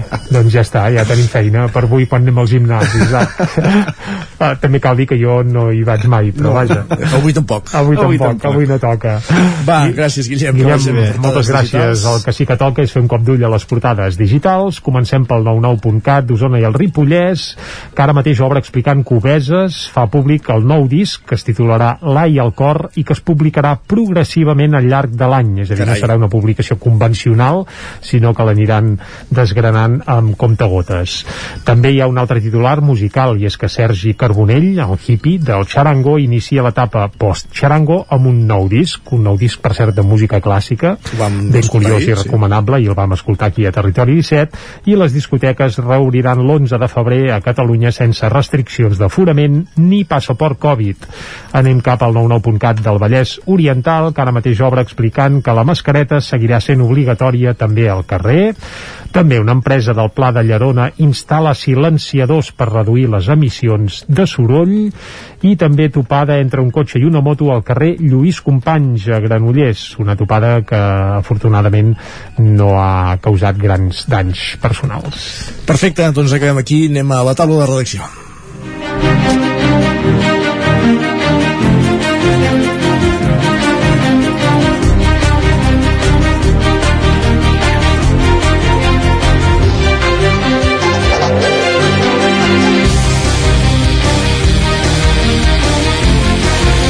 I a la taula de redacció avui en companyia d'en Guillem Rico i en Guillem Freixa. Comencem, Rico, pel ple de Torelló que se celebrava aquest passat dilluns i amb aquesta resposta de l'equip de govern que intentarà deixar de treballar el màxim que pugui amb el BBVA. Exacte, sí, això són seqüeles, diguem, d'aquest tancament de les oficines bancàries al barri de Montserrat. Eh, va, va deixar de, de funcionar l'oficina de la Caixa fa més temps i van deixar-hi el caixer, la del BBVA no hi van deixar-hi res, i llavors això, mm, reclamaven que almenys s'hi deixi el caixer perquè som- ja és un barri on hi ha molta gent gran i la- l'altra oficina que hi ha al poble doncs eh, els hi queda molt lluny. En aquest cas el PSC va presentar una moció eh, contra el tancament d'aquestes oficines um, uh, perquè això a part provoca problemes tant per la gent gran que, que, que són més de portar efectiu i que els hi queda lluny l'altre um, perquè no saben fer opera, um, operacions per internet, per exemple Home, I a la secció d'economia amb Joan Carles, amb en Joan Carles Arredondo, Exacte, la no? gent, la, els col·lectius poc digitalitzats. per Exacte. I uh, també els comerciants que, per exemple, no poden anar a buscar canvi, que els hi queda molt més lluny tot plegat, no? uh, aquesta moció es va aprovar per, per unanimitat de tots els grups, uh, des, de, des de Junts també deien que almenys amb això que s'instal·li eh, lluitar per, per, per el caixer. Des de la CUP parlaven d'anar més enllà a banda d'això que sí que el caixer és un és una cosa més immediata però que hi ha un tema més de fons d'anar a l'arrel del problema parlaven. I en aquest sentit recordava que havien presentat dues mocions una al mandat passat perquè l'Ajuntament treballés amb la banca ètica que sí que es va aprovar i una altra també per crear ja lligat amb, amb aquesta temàtica un espai al barri de Montserrat eh, sobretot vinculat a la, es parlava d'un espai TIC a la biblioteca per acompanyar i ensenyar la gent gran doncs, a fer aquests tràmits online, ja sigui per temes de, de, de diners, diguem, com per tràmits mm, que s'han de fer amb l'Ajuntament o altres, o altres coses. Uh, I llavors l'alcalde va respondre això, que mm, celebraven el, aquest acord de ple, aquest suport, per reforçar el missatge del que ja havien eh, manifestat al BBVA eh, amb un text conjunt amb l'associació de veïns i, i els comerciants de, del barri i, i això, eh, deien que no els havien donat resposta eh, que se- s'escudaven en que era un, no era un problema exclusiu de Torelló sinó que es resol de manera igual a, a tot arreu perquè recordem que a Manlleu en altres municipis també se n'havia parlat i fins i tot en municipis petits que, que havien deixat de tenir, de tenir oficines. I deien que això, que estan treballant amb aquesta retirada de serveis que presta eh, que els presta aquest banc eh, i està mirant on, on els porten eh, retiraran el compte general els pagaments de, de, de subvencions, etc però sí que hi ha una, una operativa que vinculada a la Diputació o, o que sí que no poden deixar de fer amb aquest banc i també perquè necessiten que hi hagi finestreta perquè segons en quins bancs vagin si no tenen oficines físiques Tornem a estar al mateix eh, problema. exacte Sí, sí. llavors l'objectiu final sí que és portar tota l'operatori que es pugui eh, amb la banca ètica però també hi ha una sèrie de serveis que diuen que, que sí que els hauran de mantenir ja sigui amb el BBVA o, o amb altres oficines que tinguin Presència. presència al poble. Uh, per tant això uh, bàsicament el ple es va monopolitzar amb, amb això. També es van aprovar altres qüestions com la, uh, el fet de posar eh, senyals al municipi que és de municipi que no tolera les violències masclistes i LGTBI fòbiques és una qüestió que ara darrerament s'ha aprovat en altres plens com, com el de Vic i que alguns municipis tard, més per, petits vol, com... voltes per Catalunya i, I ja- cap, cap a sí. l'Aix Empordà, per exemple, el Gironès n'està ple de, de, de cartellets d'aquests. Sí, sí, no, de fet hi ha municipis aquí a la comarca com Sant Vicenç o Sant Quirze que fa un parell d'anys gairebé que els tenen a a Prats també en tenen hi ha a Folgueroles, hi ha diferents llocs que, que fa temps que, que les tenen. Bàs, bàsicament el, la, la, la part gran de, diguem de, del ple va acabar, va acabar sent això. Hi ha seqüeles també del semàfor del carrer Sant Bartomeu però en tot cas és un tema que, que ja que, que Ja el coneixem. ja el coneixem. Gràcies, Guillem, i saludem l'altre Guillem, Freixa, bon, benvingut també. Bon dia. Parlàvem del ple de Torelló i ara parlem del ple de Centelles. En aquest es, es feia a finals de la setmana passada i hi havia un tema eh, a tenir en compte, que és que el tema de l'increment dels preus de la llum ha passat factura, ben millor dit, a la companyia municipal elèctrica de Centelles, que és l'Electra. Sí, eh, tenim aquesta peculiaritat, eh? el, el municipi de, de Centelles, un, una població que disposa d'una empresa pública d'electricitat com és la- l'Electra, i aquesta empresa no s'ha escapat del convuls panorama del sector energètic que, que hem viscut en els darrers eh, mesos. Eh, L'Electra eh, estava acostumada, o una de les característiques de l'Electra i de, de Centelles era que al llarg dels anys eh, oferint aquest servei d'electricitat pública al municipi eh, obtenia beneficis, obtenia uns beneficis importants i això revertia directament en el poble doncs eh, oferint aquest servei eh, públic d'una banda i també eh, podent eh, mantenir els impostos més baixos eh, fent algunes eh, actuacions concretes en el municipi per tant acabava sent un, un benefici per tota la, la població. Què ha passat en aquests últims mesos? Doncs ha passat que el, la compra d'energia eh, per fer aquesta electricitat s'ha disparat, s'ha posat per als eh, núvols. Um, això les empreses elèctriques doncs, ho han acabat revertint en el, en el ciutadà, en la persona que pagava la, la factura, i a Centelles el que es va, la decisió que es va prendre eh, en aquest sentit va ser mantenir tarifes, no a pujar els preus al ritme que ho feia eh, l'increment del cost de comprar aquesta energia. Què ha suposat això? Doncs, òbviament, un decalatge entre el benefici que se n'obtenia, el preu que es cobrava eh, la llum i al final ha acabat acumulant pèrdues i remarcaven això, eh, que aquestes pèrdues acumulades no eren per una mala gestió de l'empresa elèctrica sinó per la política d'aguantar els preus i no castigar el consumidor. Eh, evidentment, aquesta situació eh, s'ha anat allargant en el temps, ha arribat un moment que, que era insostenible, no, no es podia anar eixamplant més la, la diferència entre el cost de comprar l'energia i el preu que s'estava cobrant eh, l'electricitat i eh, hi va haver un moment aquesta tardor que el que es va fer sí que va ser una actualització de preus just per cobrir aquesta diferència que s'havia anat eh, generant i que el cost de comprar i el preu de vendre doncs s'equilibrés perquè no hi haguessin més eh, pèrdues. Hi havia una bossa de, de pèrdues acumulades i en aquest últim ple el que es va fer va ser un traspàs d'imports entre les diverses eh, diguem variables o els diversos punts que té l'Electra, la comercialitzadora, la, la distribuïdora es van agafar beneficis de la distribuïdora, uns 365.000 euros, i s'han traspassat en aquesta comercialitzadora, que és la que acumulava eh, pèrdues, doncs per parar el cop. Ara, però, què s'ha de fer? S'ha d'afrontar un, un debat. Què passa amb aquest sector energètic on competeix Centelles com a empresa pública amb eh, cert desavantatge respecte a les privades, les empreses privades, i en el ple doncs, va sortir aquest eh, debat d'una banda tothom posant de relleu la importància de mantenir aquesta empresa eh, pública però sí que potser caldria eh, doncs aprofundir en el debat de si anar al ritme del cost de compra de l'energia, si buscar altres eh, vies per, per obtenir més beneficis amb el mercat eh, energètic i en aquest sentit sentit, sí que des de Centelles s'ha apostat, òbviament, en ferm per la generació d'energia. Per tant, que se n'hagi d'anar a comprar al mínim, això és, és complicat perquè requereix moltes infraestructures, però Centelles, eh, per exemple, ja té eh, pràcticament la majoria dels edificis municipals que funcionen amb energies renovables i està treballant també per la construcció d'un parc fotovoltaic que permeti augmentar l'energia que ells eh, generen pròpiament i que hagin d'anar a comprar el mínim a, a, a fora. Recordem que ara mateix qui acaba marcant el preu de l'energia és la compra del gas, el gas està per als núvols i això fa que, que el preu sigui, sigui realment car. Perfecte, doncs gràcies per explicar-nos-ho, Guillem. Adéu, bon dia. Bon dia. I arribats a aquest punt, acaba la taula de redacció, entrem de seguida a la secció literària del Territori 17. Anem al Lletra Ferits.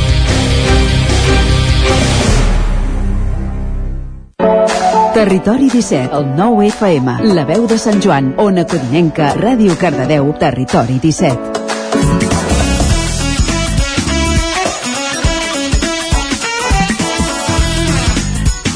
I avui amb el Lletra Ferits anem fins al Ripollès, anem cap a la veu de Sant Joan on hi ha l'Isaac Muntades i avui per parlar amb els autors d'un llibre, El misteri dels golluts o nans de Ribes. Isaac, bon dia. Bon dia, Isaac. Doncs sí, avui anirem cap a la Vall de Ribes, com bé comentaves, per parlar del nou llibre que han publicat a quatre mans, l'historiador Miquel Sitjà i el director del festival Terra Gollut, eh, Joaquim Roquer, com bé deies, que porta per títol El misteri dels golluts o nans de Ribes, un llibre que de fet ja es va poder presentar doncs, a finals del mes de desembre en un teatre municipal de la població que es va omplir per escoltar la història d'aquestes persones que van habitar fins a principis del segle XX a la vila damunt del municipi i avui doncs tenim els seus dos autors a l'estudi de la veu de Sant Joan perquè ens expliquin eh, tots els misteris d'aquest llibre. Bon dia a tots dos, Miquel i Joaquim, i moltes gràcies per ser avui el Lletra Ferits del Territori 17. Moltes gràcies a vosaltres. Bon dia. Bon dia. Moltes gràcies. Ho he introduït una mica a l'entradeta, però qui eren els golluts? Com arriben a la vall de Ribes? Uh, bueno, ho explico, començo potser jo, que és el llibre l'hem fet a dues mans s'encén, no? Sí. sí.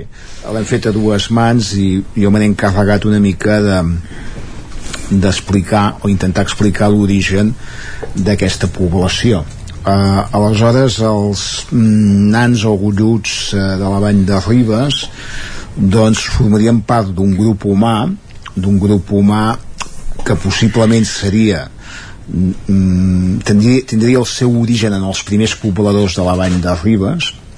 Quan parlem de, de demografia quan parlem de grups humans quan parlem de poblacions um, doncs hem de tenir hem de tenir present també que um, el territori ha estat sotmès a moltes tensions de tipus, diríem, bèl·lic, de tipus de, de migracions, immigracions, emigracions, etc.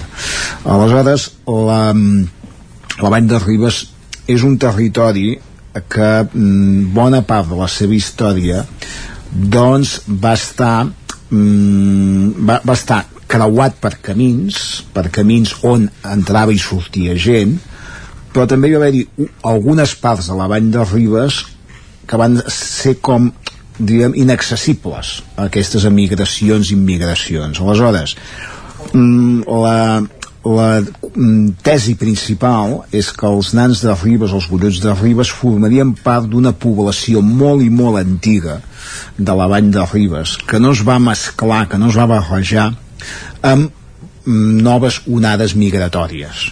Eh, això ho podem avui mateix Catalunya és, uh, és un país uh, plurilingüe uh, amb, diguem, amb gent d'orígens diferents i és com si per entendre'ns eh, aquests últims 20 anys doncs hi hagués hagut un o aquests últims 100 anys si voleu hi hagués hagut un grup de catalans que s'haguessin quedat aïllats i sols i que no s'haguessin casat ni ajuntat en cap, en cap de les persones que venien de fora. Doncs els nans de Ribes, els golluts, podrien ser unes restes d'aquesta gent, eh, antics pobladors de la vall de Ribes, que d'altra banda no van voler ni van tenir la necessitat diguem, d'apuntar-se al carro del progrés el progrés que Eh, va significar el pas de la vida eh, ramadera agrària a una vida eh, diguem artesanal a una vida diguem de, de fàbriques etc. És, és gent que, també fan devien fer una opció de vida determinada, de dir nosaltres ens quedem aquí, ens tanquem aquí, d'altra banda ens quedem, ens tanquem aquí, d'altra banda ens, en, ens hi quedem perquè resulta que ningú ningú ens, ens estima, ningú ens pot veure, ja, ja ens tenen, ens tenen. És a dir, també hi ha un punt eh, en doble direcció, eh? hi ha un punt en doble direcció de, de, de marginació també, eh? però també hi ha automarginació, segurament. Uh -huh. uh, quines característiques físiques tenien? Per què vivien apartats de la societat? I no sé si és que es creien que tenien un punt de mala estrugança, que donaven mala sort. Què, què passava amb ells? Quina percepció tenia la resta de la societat respecte a aquestes figures?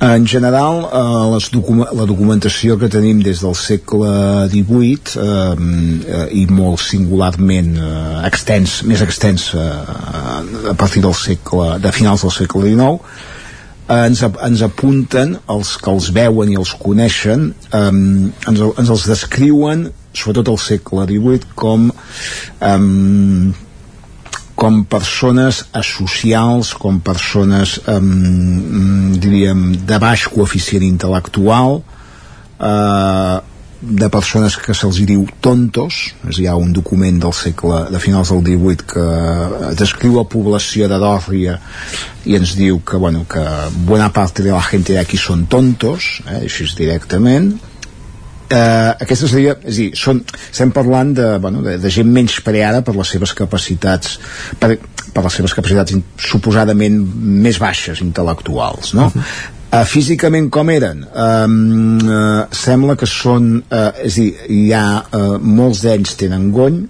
uh, i tenen sí, i tenen i tenen uh, i tenen uh, uh, una baixa estatura, són nans Llavors també et volia preguntar, no?, això de que acaben marxant, acaben desapareixent. No sé si n'ha quedat algun rastre en l'actualitat dels golluts, perquè ara mateix no n'hi no, no ha, no? No, no, no hi ha. Uh, de fet, uh, a veure, en el llibre, uh, bueno, uh, diguem, una, una part um, que diguem, uh, hem documentat és la vinguda de persones que, que van venir a veure com eren i s'inhibien, no? Llavors, eh, en el període, bueno, tot això va començar el 1886 amb el Miguel de Moraita, que va publicar un article que va treure la mirada d'aquesta gent. En aquell moment, ell diu que en aquell moment hi ha unes 200 persones en el nucli de Ribes, en el, en el barri de, al voltant del castell de Sant Pere. Però quan ja venen a, a aquests, diguem, antropòlegs, mm, que va ser a finals de 1896, ja, ja n'hi ha pocs, no? perquè diguem que han estat dis, dispersats, i ja ens consta que més o menys l'any 1915 en la zona on hi havia, allà ja no n'hi havia de, de, de golluts no?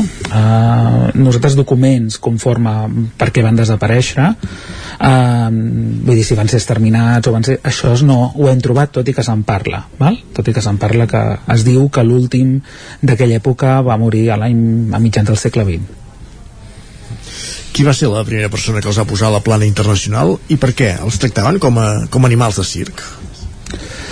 Bueno, la primera persona que els va posar a la plana internacional va ser Miguel Moraita i Sagrario. Miguel Moraita Sagrario era, era un diputat de les Corts de Madrid que es presentava per la circunscripció de Barcelona que va venir a passar uns dies de vacances al balneari de Montagut, bueno, l'edifici, el balneari per Ramon, que era un dels edificis del, del Montagut i va passar per la Vall de Ribes. Ell va escriure una carta a un amic seu que pues, mm, pues, bueno, explicava les condicions en què vivia aquesta gent, deien que eren persones que vivien en, en cases que no eren cases, en, que vivien en, en, en espais on es barrejaven amb els animals, eh, que, que, eren, que estaven bruts físicament, que la gent se'n burlava d'ells, els deia fenòmenos, que els deien estranys.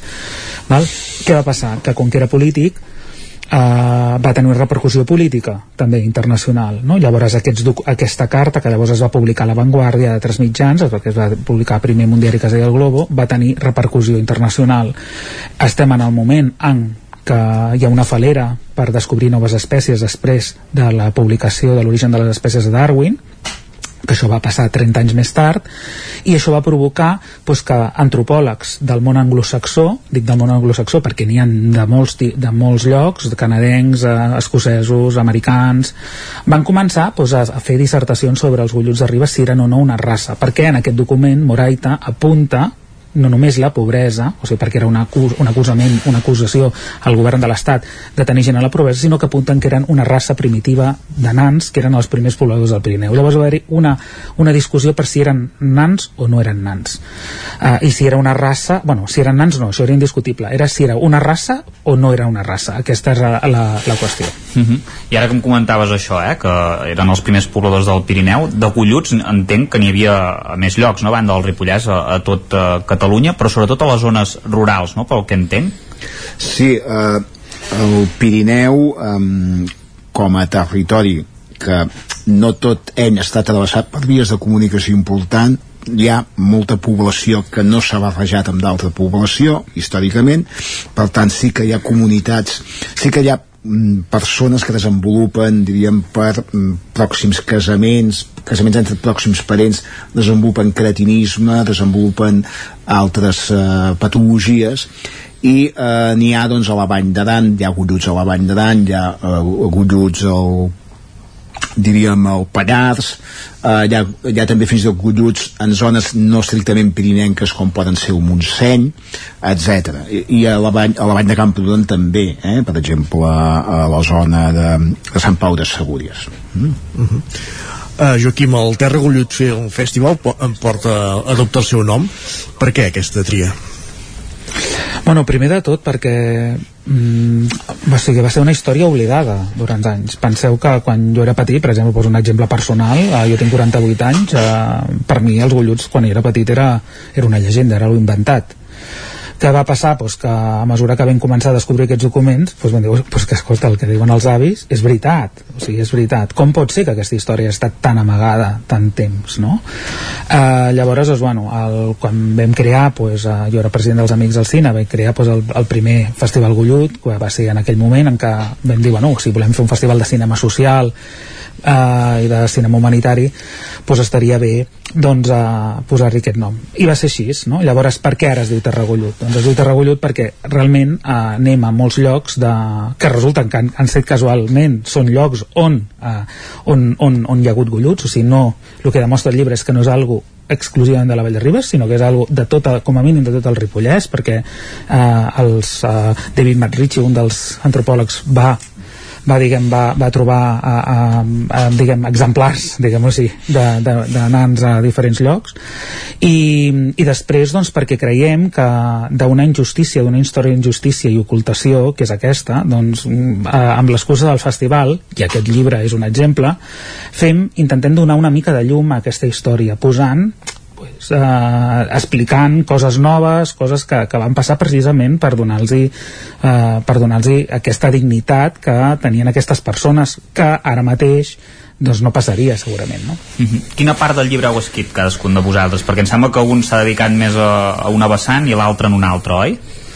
Sí, eh, jo m'he dedicat més a investigar el context històric i demogràfic de la Vall de Ribes eh, per eh, justificar el fet que hi hagués allà una comunitat de nans i golluts. He intentat veure això, també he fet una lectura crítica del, del text de Miguel Moraita i Sagrario, i he intentat veure fins a quin punt um, era exacte el que ell deia.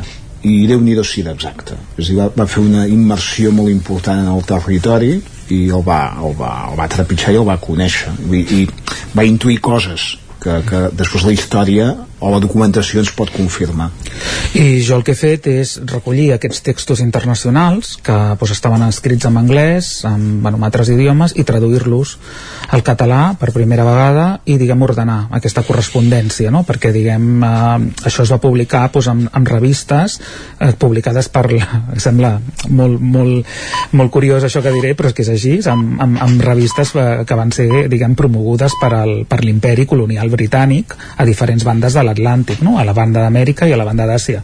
I després aquestes correspondències de diferents, de diferents científics que s'anaven contestant uns als altres, que en molts casos doncs, a vegades repeteixen part del text, però en molts casos van ampliant, doncs posar-les en ordre i agafar doncs, els, mm, els, els extractes més destacats de, de tot això. Hem fet un resum, vull dir, un resum perquè hi ha molta més documentació que no hem publicat. Si us sembla bé, podríem llegir, per exemple, un petit fragment del llibre doncs, que ens il·lustri una mica doncs, de, de què parla, no? que, que ara hem estat parlant i, i sens dubte que els nostres oients voldran saber una mica més sobre, sobre els golluts. No sé si teniu a, a mà algun d'aquests fragments. Um, m'inclino a considerar-los com les restes d'una raça. Sens dubte el cretinisme i el gony entren en la qüestió per als 11 nans que vaig veure al barri de Ribes, només dos estaven afectats de gony. És difícil de creure que la dona petita que figura en primer lloc a la meva llista deu ser, la petit, deu ser de petita estatura i les seves altres característiques el funcionament de la malaltia.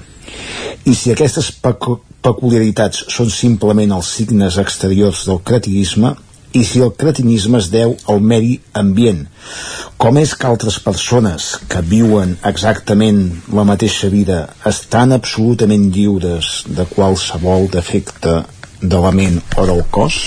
Aquest text eh, el va escriure David McRitchie, que era un folclorista eh, escocès que es dedicava, bueno, va estar per tot el món mirant races de nans que les documentava i va ser doncs a la foto que es refereix perquè aquest llibre també aporta fotografies fetes per ell que són de l'any 1894 que són les primeres fotos que tenim diguem documentades que són dels ulluts de, de Ribes i parla justament d'una nana que és la portada del llibre que és a, que estava a Caral a, a Llanàs, al municipi de Llanàs que feia 91 centímetres d'alt i que era una persona amb 22 anys i que estava completament diguem bé de, diguem, a nivell d'intel·ligència i tot plegat que era una persona que es desenvolupava completament normal, no?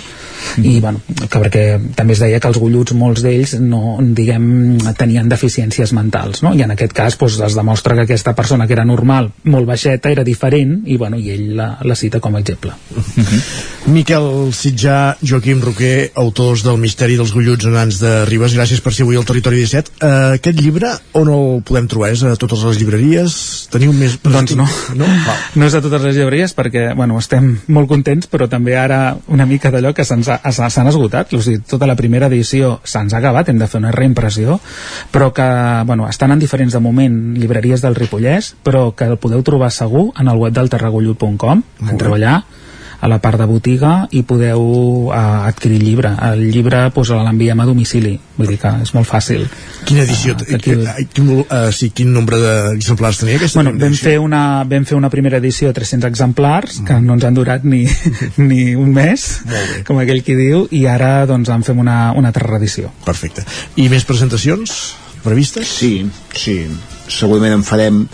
Bueno, n'hem fet de fet hem fet una, mm. una la, la primera de Ribes, que era el lloc on tocava, i de, ara mm, estem pensant fer-ne una aviat a Ripoll.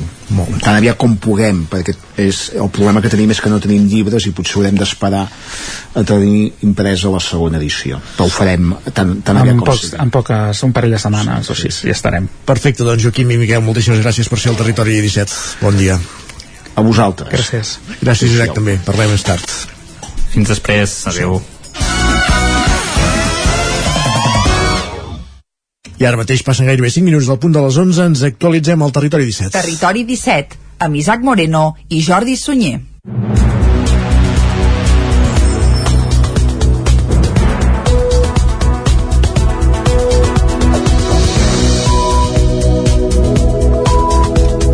A aquesta hora els expliquem que l'oci nocturn reobrirà l'11 de febrer i la Generalitat també es planteja suprimir els confinaments de grups a les escoles ben aviat. Són dos dels anuncis que va fer el govern després de la reunió del Consell Executiu. Pel que fa als centres educatius, només s'hauran de quedar a casa els alumnes amb positiu de Covid o els que tinguin símptomes. S'acabaran, per tant, els confinaments de grup a primària que ara es produeixen quan hi ha 5 positius o el 20% dels alumnes d'una classe amb Covid. Els alumnes no vacunats podran anar a classe encara que siguin contactes estrets d'un positiu. El el govern segueix així la petició de la Societat Catalana de Pediatria, que també demana eliminar les mascaretes a l'escola. La mascareta, però, de moment s'hi mantindrà.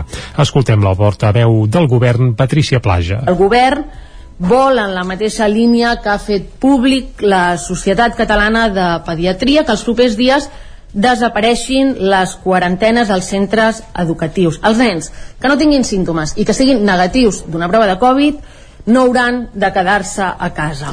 Ahir, als centres educatius d'Osona, segons dades del Departament de Salut, hi havia unes 1.100 persones confinades, quan a finals de la setmana passada eren 2.500.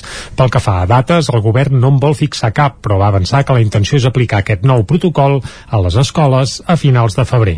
On sí que hi ha dates, en canvi, és a l'oci nocturn, que està tancat des d'abans de Nadal i que podrà reobrir el dia 11 de febrer, divendres de la setmana que ve. Ho farà sense restriccions d'aforament ni limitacions horàries. Patricia Plaja. I el dia 11 és perquè, tenint en compte aquesta desacceleració, tenint en compte com va baixant el dia a dia, es considera que d'aquí aquests eh, 10 dies estarem en la situació òptima perquè podem, puguem eliminar aquesta mesura i que per tant ja no estigui ni justificada ni sigui necessària. Per accedir a discoteques i bars musicals tampoc caldrà el passaport Covid que s'havia aplicat a la tardor. Més qüestions. Els contenidors d'Humana recuperen més de 179 tones de tèxtil utilitzat al Baix Montseny durant l'any passat. En relació al 2020, suposa un augment del 21%. Núria Lázaro, des de Ràdio Televisió Cardedeu. La recollida selectiva del residu tèxtil a través dels contenidors d'Humana al carrer ha augmentat un 21% al Baix Montseny el 2021, segons el balanç que ha fet l'entitat humana que gestiona el servei. Això permet recuperar 179,3 tones de material que es podrà reutilitzar o reciclar i que ha evitat l'emissió a l'atmosfera de tones de CO2 per cada quilogram de roba recuperada i que no acaba un abocador per a ser incinerat s'evita l'emissió de 6,1 quilograms de CO2. El residu tèxtil, roba, calçat, complements i tèxtil de llar que es dipositen en els contenidors situats en la via pública. Un cop classificat té una segona vida. El 50% es pot reutilitzar i més del 35% recicla. En relació a l'any 2020 ha suposat un augment global del 21%. Per municipis la recollida ha estat la següent. Arbúcies ha estat el municipi que més tones ha recollit amb un total de 18 tones. Llines del Vallès un 26,6%, que suposa 4 tones, i Sant Celoni un 53,6%. La reutilització del tèxtil és clau per l'economia circular i la creació d'ocupació verda i permet donar una segona vida als articles de roba que no s'utilitzen amb un benefici social i ambiental. El projecte del Bike Park de Ripoll progressa més a poc a poc de l'esperat i Esquerra comença a qüestionar-lo. Isaac Muntades, tornem a la veu de Sant Joan. El mes de juny de l'any passat, l'empresa promotora del Bike Park de Ripoll, Elevated MTV, va explicar que treballaven amb un calendari per poder començar les obres al mes de març d'enguany i obrir el parc de bicicletes de cara al mes de novembre, però sembla que els terminis no s'estan complint ni molt menys. La ubicació del Bike Park amb el seu TV Cadira al Puig de la Devesa de Ripoll, que geogràficament queda molt a prop de Can de Bànol, ha generat dubtes perquè allà hi ha una remota possibilitat que s'hi construeixi en un futur la variant que enllaçaria Camp de Bànol amb la carretera entre Ripoll i Sant Joan de les Abadeses. Elevated MTV es va curar en salut i el seu portaveu, Xavier Serret, va declarar que segons els seus organismes oficials, la construcció de la variant no es faria com a mínim fins als pròxims 10 anys, però això suposaria que haurien de buscar un altre lloc per ubicar el parc de bicicletes, ja que seria incompatible amb la construcció d'una autovia de doble carril per sentit i ponts elevats. El portaveu republicà Roger Bosch en el darrer ple no tenia clar com està evolucionant el projecte i va preguntar-ho. Veiem que avança tot el tema del projecte del Bike Park. També en una altra junta de govern apuntem que es fa la contractació d'una empresa per a demanar fons de Next Generation, que de fet en alguna reunió apuntaven que aquests fons es volien utilitzar per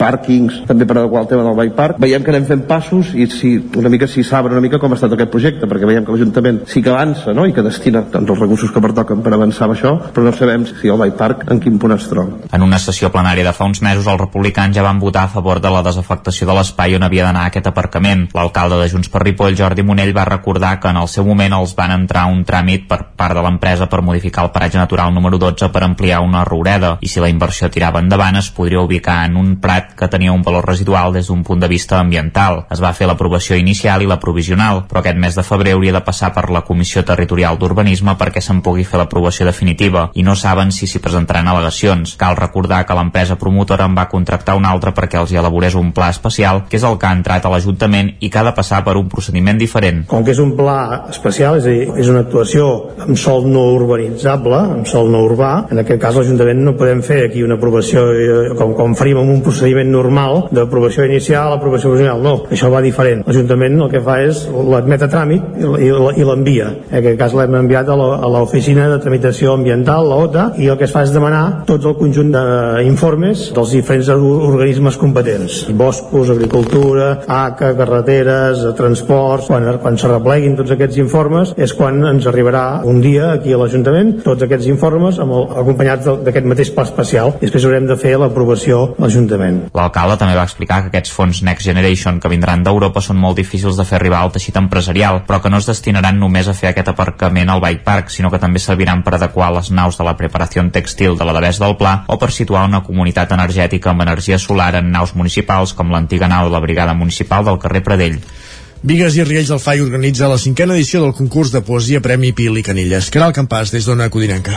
A la cinquena edició d'aquest concurs de poesia a Riells del FAI arriba amb força per fomentar i premiar l'escriptura literària al municipi. Fins al 4 de març es poden presentar treballs en dues modalitats. Poesia escrita en la categoria de 13 a 17 anys i categoria d'adults i rodolins adreçada a infants de 7 a 12 anys. Les propostes es poden presentar presencialment a la Biblioteca de Vigues o bé telemàticament a través del correu electrònic. El dia 18 de març es publicarà el llistat de les persones finalistes i el el 25 de març. A les 7 de la tarda es donaran a conèixer les persones guanyadores durant l'entrega de premis al Teatre Auditori Polivalent de Vigues i Riells del FAI. Els impulsors del primer Festival Internacional del Cantar al Revés, que es va fer aquest cap de setmana a Centelles, tenen la intenció de celebrar més edicions d'aquesta proposta cultural i lúdica tan particular.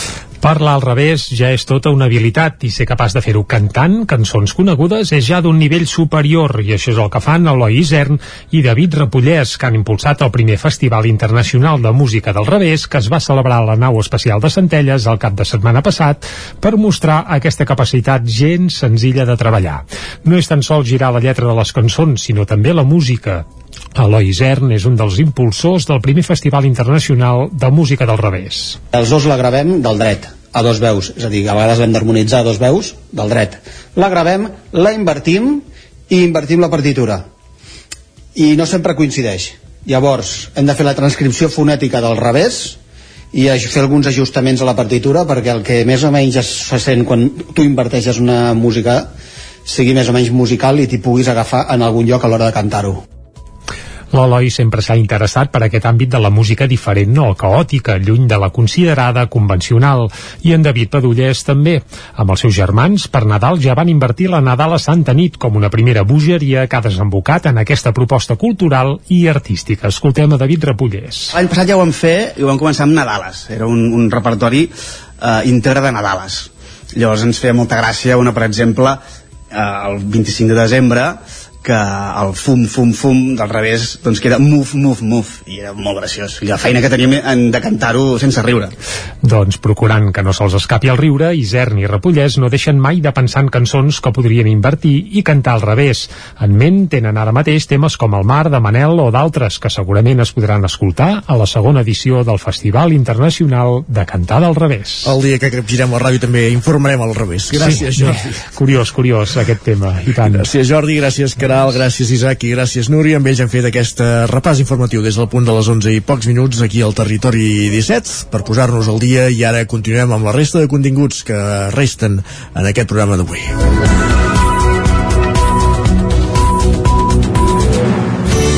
Territori 17. Envia'ns les teves notes de veu per WhatsApp al 646 079 023. 646 079 023. WhatsApp Territori 17.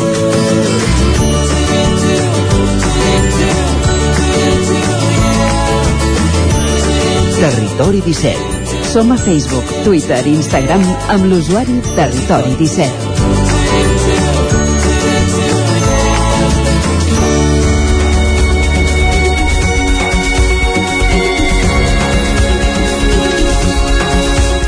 Un quart de dotze i parlant de capgirar ja us ho hem explicat que hem capgirat l'escaleta una mica avui, hem fet un canvi amb l'escaleta de demà.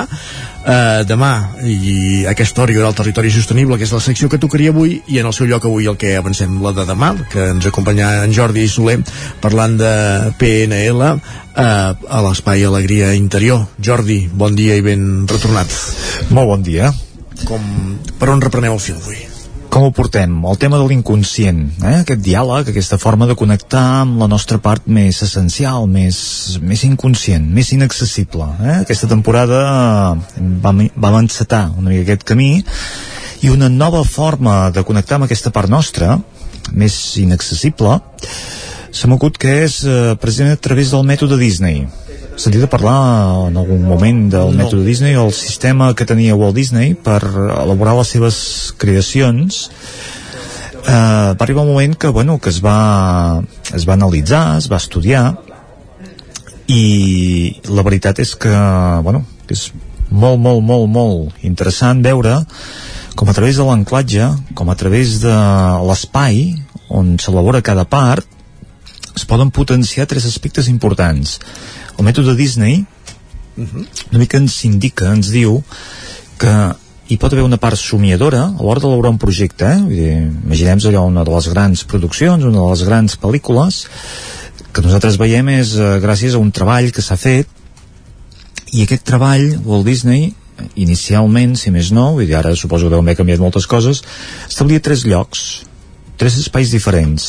El primer espai era el que ell anomenava l'espai somiador, i aquesta és la part que jo vincularia amb la connexió, l'oportunitat de connectar amb la nostra part inconscient eh? vull dir que lliguem-ho sempre amb viatjar cap a la, la nostra part inconscient quan desenvolupem aquest hemisferi dret creatiu no? que s'obre tot en aquest cas Walt Disney habilitava aquest espai somiador és un lloc on tot és vàlid qualsevol idea qualsevol intuïció, inspiració imatge és benvinguda.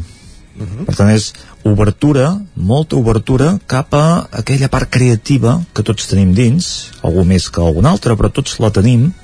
Doncs donar molta obertura, ser molt flexibles amb tot el que arribi. I d'aquesta manera la part nostra mm, oculta doncs es desenvolupa eh, s'expressa eh, l'espai somiador Walt Disney després deia, bueno, totes les idees recollides en aquest espai somiador la gent poden anar vestida com vulguin, poden dir el que vulguin, poden fer una mica el que vulguin, es mouen lliurement.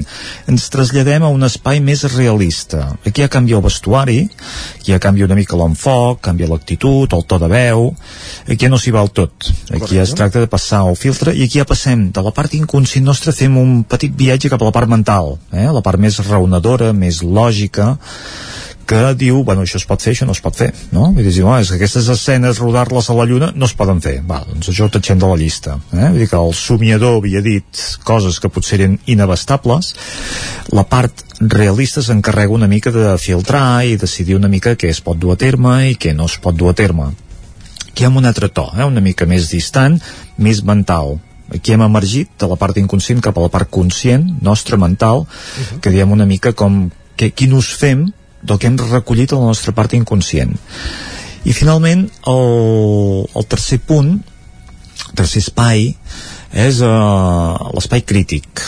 L'espai crític una mica el que ha aportat uh, el creatiu somiador filtrat per al realista que diu què es pot i què no es pot, el crític hi afegeix el seu punt de vista, també més des de fora, més mental també, i en això realment es pot fer però potser no agrada o potser doncs, eh, no ens ho podem permetre. Vull dir que dona, diguéssim aquesta visió crítica del projecte que fa que, bueno, que allò doncs eh, passi o no passi eh? és el que diu endavant això té, és viable o no, hem de tornar-ho a replantejar eh? vull dir que una creativitat, una, una obra pot ser molt ben elaborada però potser no transmetre el que ha de transmetre no despertar emocions no? i dir que dius, bueno, està molt ben fet però és que no transmet res per tant hem de tornar-ho a replantejar i aquí iniciava el cicle novament eh? començàvem a l'espai somiador o sigui, Walt Disney deia tornem a començar de zero, tornem a disfressar-nos una mica de somiadors tornem a, a posar-nos en la pell del somiador i per tant eh, és una nova oportunitat de submergir-se en aquesta part inconscient que dic jo, no? Vull dir, la, la part aquesta creativa que no saps d'on t'arriba però t'arriba aquella inspiració, aquella idea, aquella imatge eh, aquella nova manera d'enfocar una cosa que potser sempre l'havíem vist eh, d'una manera, de forma mental però que quan consultem a la nostra part oculta ens apareixen noves, noves dades no? Fixa que la paraula somiador ja ens vincula amb una de les maneres de connectar amb el nostre inconscient que era a través dels somnis eh? i doncs aquí agafem el paper de somiadors i no és que somiem sinó que agafem el paper de somiador ens posem a la pell del somiador i el que hem de fer és precisament deixar-nos molt, molt, molt, molt eh, oberts, molt eh, disponibles perquè ens arribin aquestes inspiracions, aquestes idees que realment algunes d'elles acaben sent obres mestres eh? Walt Disney ha acabat fent obres mestres sí. que són fruit una mica de, bueno, d'aquesta brillantesa de ments que són capaces d'obrir-se a la seva part inconscient i deixar que els arribi una mica la, la millor manera de de mostrar un missatge eh? perquè darrere les pel·lícules sempre hi ha un missatge sempre hi ha una intenció uh -huh. sempre hi ha aquesta capacitat de despertar emocions no? Vull dir, quan realment això es fa ben fet és quan dius, uf, se't posa la pell de gallina i dius, vale, molt bé vull dir, aquí m'ha arribat no?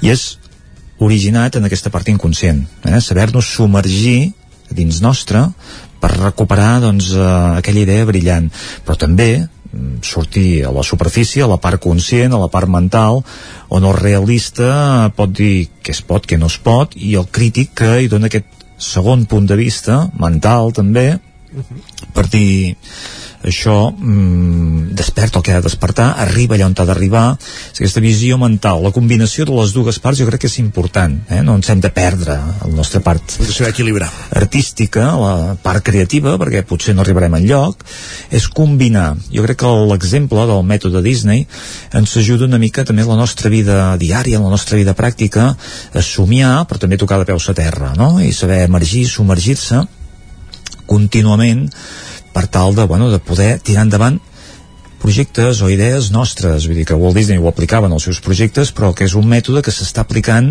en molts altres àmbits, en molts altres entorns. I ell ho fa molt a través de l'anclatge espaial. Eh? L'espai genera, doncs, d'alguna forma, o facilita aquesta capacitat per posar-se a la pell del somiador, del realista o del crític, no? Vull dir, fer aquest recorregut les vegades que faci falta per poder d'alguna manera doncs, anar polint, anar millorant doncs, eh, aquell projecte. Com ho veus, Isaac? Bé. En, quin, en quina part de la teva vida series tu ara capaç de- d'aplicar aquesta, aquesta, aquest, aquest recorregut, eh? segurament amb totes eh, fora, fora bo, no, diguéssim sempre, eh, és qüestió sempre de trobar equilibris en tots el, els aspectes, diguéssim, per anar avançant Clar, un nou espai de ràdio. Dius, va, anem a crear un nou espai de ràdio. eh, posem la llista de tot el que volem fer i llavors ho compensem amb on podem arribar no? eh, sempre hi ha limitacions de recursos, de mitjans, etc etc. que ens... Sí, i llavors eh, dius, hi vaig a dedicar temps amb això, no? Un nou projecte de ràdio que, que vull fer-lo diferent. Clar, si ho agafem només des de la vessant mental, estratègica, allò amb què podem fer, què no podem fer amb la gent que tenim, uh -huh. arribarem fins a un punt. Està clar. Si afegim la part somiadora, si connectem, si fem aquest viatge cap a la nostra part inconscient, i això vol dir disposar d'un temps, eh? i disposar d'un espai. Dius, mira, doncs aprofito el dissabte al matí, que és el meu temps lliure, eh, pujo a Bellmunt, i allà, doncs, una mica deixo que emergeixi allò que potser em fa falta per donar-li aquest punt de brillantesa, no? En un lloc... De fet, de fet potser el mètode sempre és al, al, al revés, no? Començar per la part somiadora d'objectius o Mhm. el, el màxim lloc on podries arribar, on Mhm. creus que s'hauria d'arribar, el màxim objectiu que t'agradaria i llavors anar-ho fent realitat a mesura dels, de les possibilitats també. Sí senyor, seria una bona forma de donar-hi ordre, eh? de dir aquesta idea brillant que m'ha aparegut en un lloc que, bueno, és un lloc inspirador, eh? és un lloc on jo em sento somiador. Doncs aquesta idea brillant, després la porto una mica, la comparteixo, no? l'analitzo i poso aquesta part de ment que fa que això encaixi, eh? perquè a vegades les idees brillants són molt brillants però són difícils de dur a terme. Doncs dius, bueno, ja, amb això, amb els recursos dels que disposo, podem o no podem encaixar-ho. Però efectivament, vull dir, en un programa de ràdio en qualsevol cosa, en qualsevol vessant de la nostra vida hem de saber una mica trobar els espais, eh? espais diferents. Vull dir, quan a dins d'una mateixa sala volem elaborar les tres fases és fàcil que fracassem. Correcte. quan sabem trobar espais diferents que ens inspirin eh, Walt Disney, el lloc dels somiadors era un, un espai obert molts colors, la gent anava vestida de forma molt desenfadada, vull dir, agafaven el paper eh, el paper aquest de somiador l'entorn ho havia de transmetre. La fase realista i era, diguéssim, en un despatx i era una sala més sèria. O sigui, l'entorn, fins i tot la vestimenta de les persones canviava i no sempre eren les mateixes persones però sí que hi podia haver una part de l'equip que era comú en, tot el, en tota la trajectòria no? però que ja vestien diferent ja parlaven diferent, ja ho abordaven des d'una forma potser més seriosa menys pallasso, més més eh, empresari no? més eh, toquem de peus a terra i l'última part fins i tot encara era més seriosa vull dir que l'espai era eh, allò molt més auster perquè ens permetés centrar una mica en dir, ja, això realment agrada o no agrada? Hem arribat molt lluny, sí, però valdrà la pena fer-ho?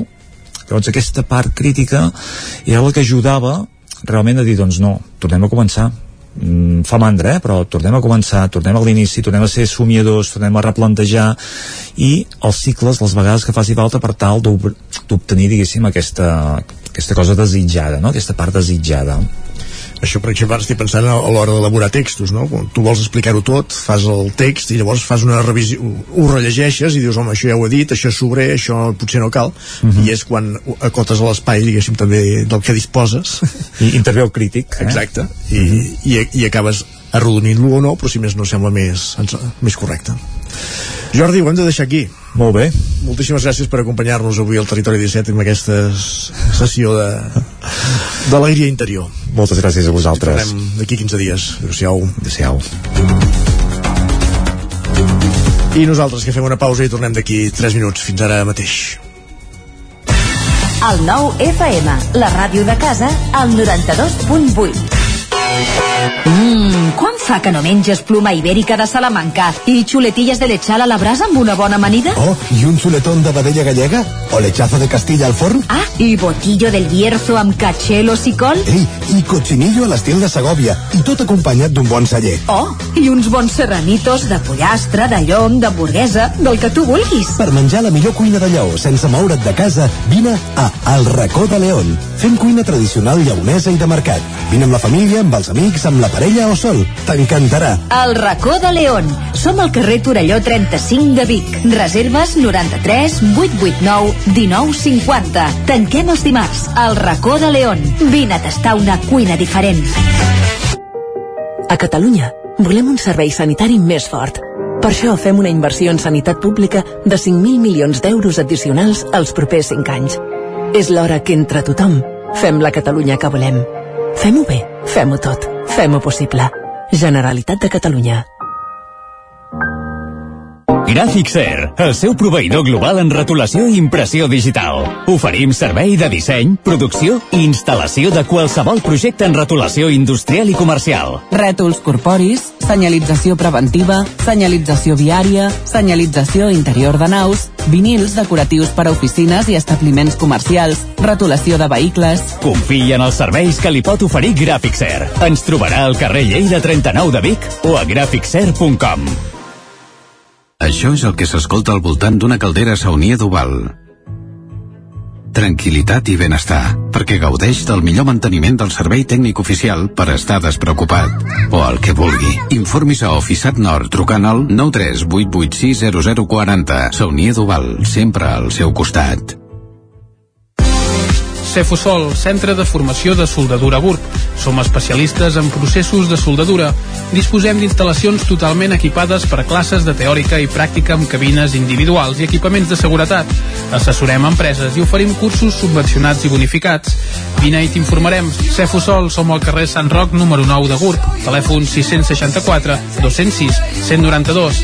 També ens trobaràs a cefusol.com i a YouTube. La ràdio de casa al 92.8. El 9 FM. Anuncia't al 9 FM. La ràdio de casa. 9 3 8 8 9 4 9 4 9. Publicitat arroba al 9FM.cat. Anuncia't al 9 FM. La publicitat més eficaç. El 9 FM. El 9 FM. El 9 FM. El 9 FM. Territori 17 A Tren d'Alba. Cada dia els usuaris de la línia R3 de Rodalies que veuen sortir el sol des d'un vagó ens expliquen les gràcies i les penes del primer comboi que uneix Ripoll i Barcelona.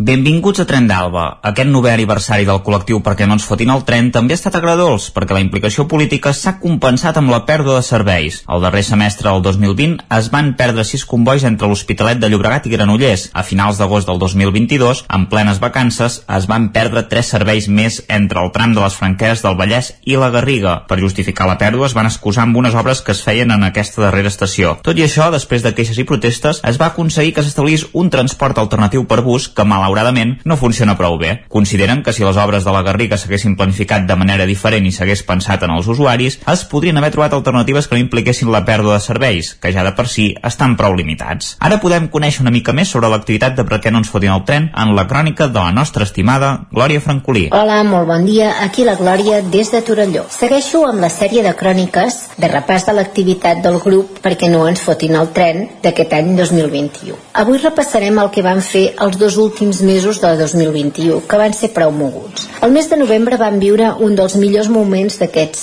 darrers 9 anys de feina. Ha obert l'oficina tècnica de l'R3 que ha de donar servei a tots els ajuntaments per on passa la nostra línia amb tot allò que tingui relació amb el tren. I durant el mes de desembre, dues grans conquestes. Per una banda, va sortir la licitació de l'estudi informatiu per desdoblar la línia R3 entre Vic i Centelles i per l'altra van acabar les obres de la façana de l'estació de Vic. Si fa temps que no hi passeu, per davant, aneu-hi perquè ha quedat superxula. I també una bona mostra de que les mobilitzacions que fem des del nostre grup són útils.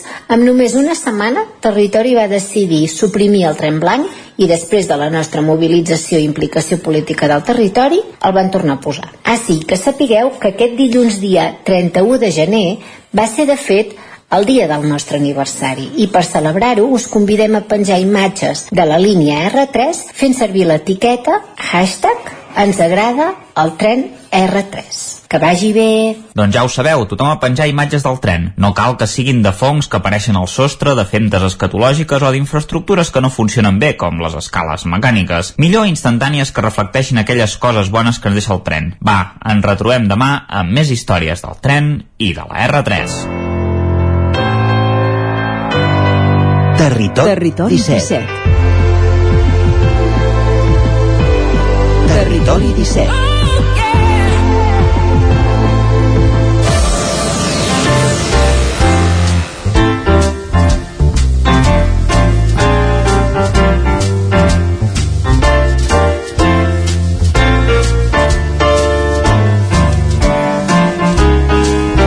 Dos quarts de 12 i 3 minuts ara mateix al territori 17 i ens endinsem a la roda cultural de cada dimecres a conèixer les agendes d'actes, d'activitats culturals que podem fer o les que podem anar en els propers dies a les nostres comarques. Un recorregut que comencem avui als estudis de Ràdio i Televisió Cardedeu amb l'Òscar Muñoz. Bon dia, Òscar. Doncs comencem el repàs cultural a Cardedeu. Divendres a les 9 tenim l'espectacle de dansa The Art of Castanets. Dirigit per la Mar Bacena, veurem un espectacle de castanyoles on també hi haurà altres instruments com la guitarra elèctrica, el baix i la bateria, i aquest espectacle està dividit en dos parts. La primera part faran obres de la música clàssica i clàssica espanyola i a la segona part serà totalment eh, diferent, innovadora, amb un espectacle de llums on les castanyoles de la Marracena doncs, eh, portaran un seguit de leds que faran il·luminar tot l'escenari. Això podem trobar les entrades des de 8 euros al Teatre Auditori de Cardedeu. També dissabte, dins del, del Festival Tastautors, tenim el petit de Cal Aril dissabte a dos quarts de vuit al Teatre Auditori de Cardedeu. El Petit de Cal Aril s'ha consolidat com un nom clau de l'escena musical a l'última dècada en una resseca constant del canvi que ha fet que doncs, agafi un discurs propi i ara ens presenta el seu nou disc No sabràs com acaba la història que és el seu vuitè disc el podrem escoltar, com hem comentat, al Teatre Auditori de Cardedeu tenim encara entrades des de 12 euros a les taquilles. I ara sí ens anem a Granollers, també amb dos esdeveniments.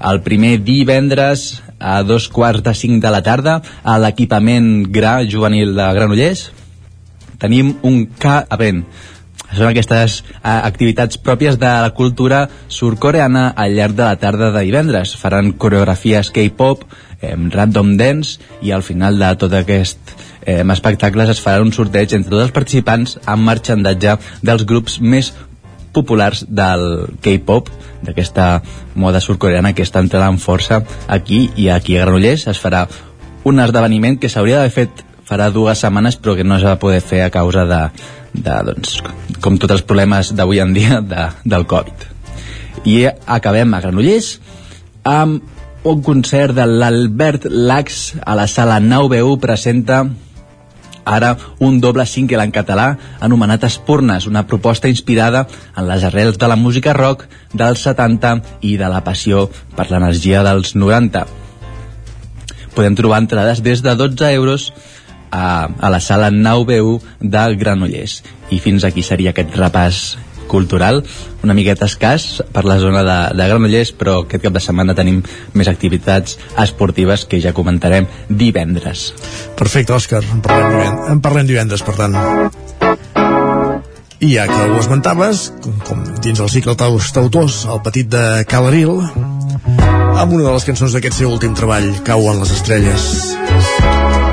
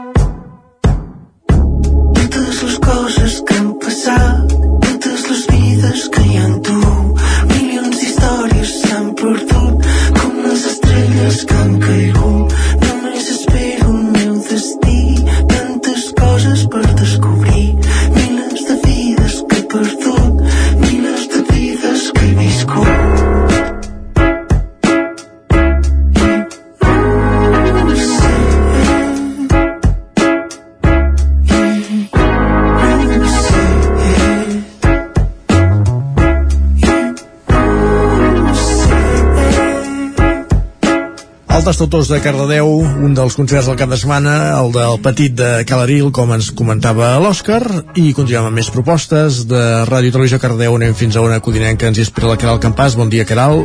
Hola, bon dia.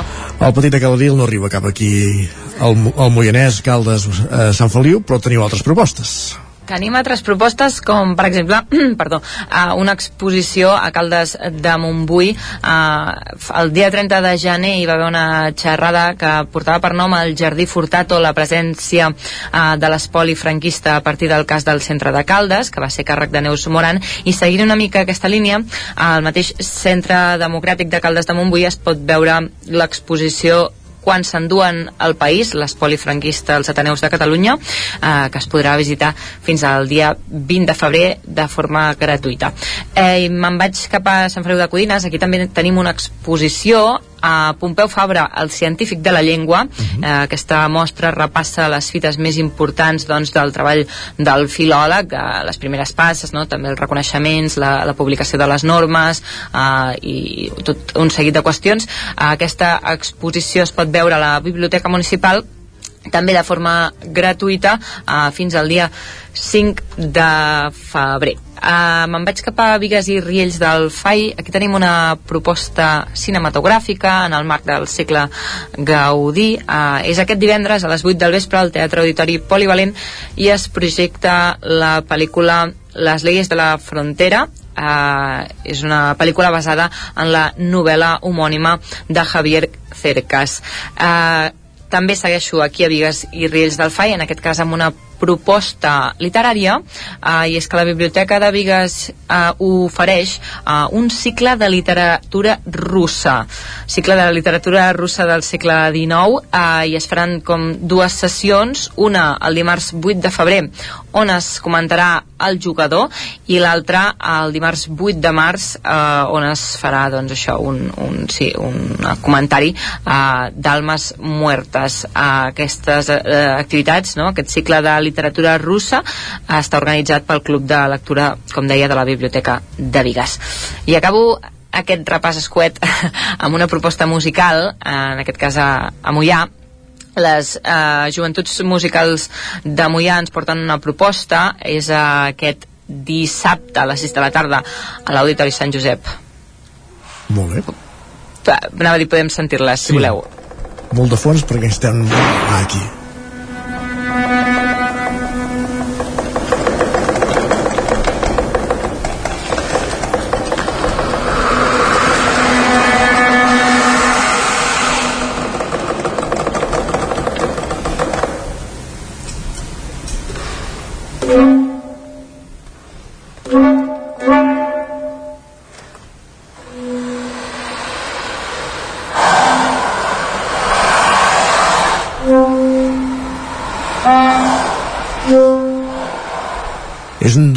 Amb acordió i saxo, tot i que hi sentim aquests efectes sonors que van fent, la peça no acaba d'arrencar, si vols, Caral, ens vas explicant de què es tracta sí. i llavors eh, marxem amb elles.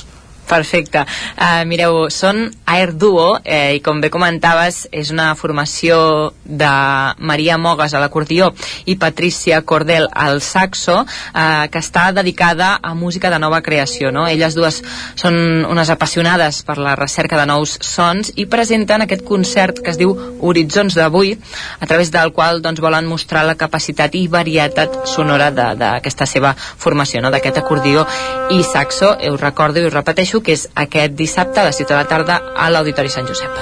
Doncs, com dèieu, amb elles marxem. Serà aquest dissabte a Mollà. Gràcies, Caral. A vosaltres.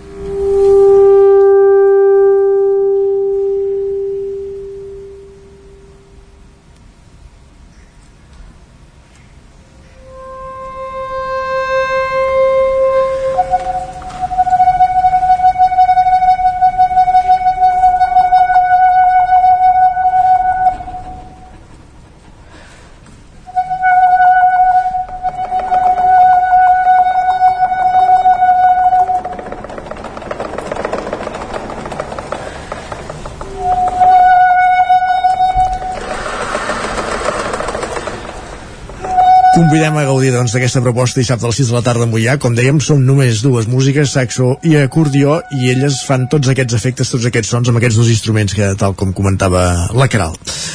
De una codinenca anem fins a la veu de Sant Joan, ens hi espera l'Isaac Muntades. Bon dia, Isaac. Bon dia, bon dia.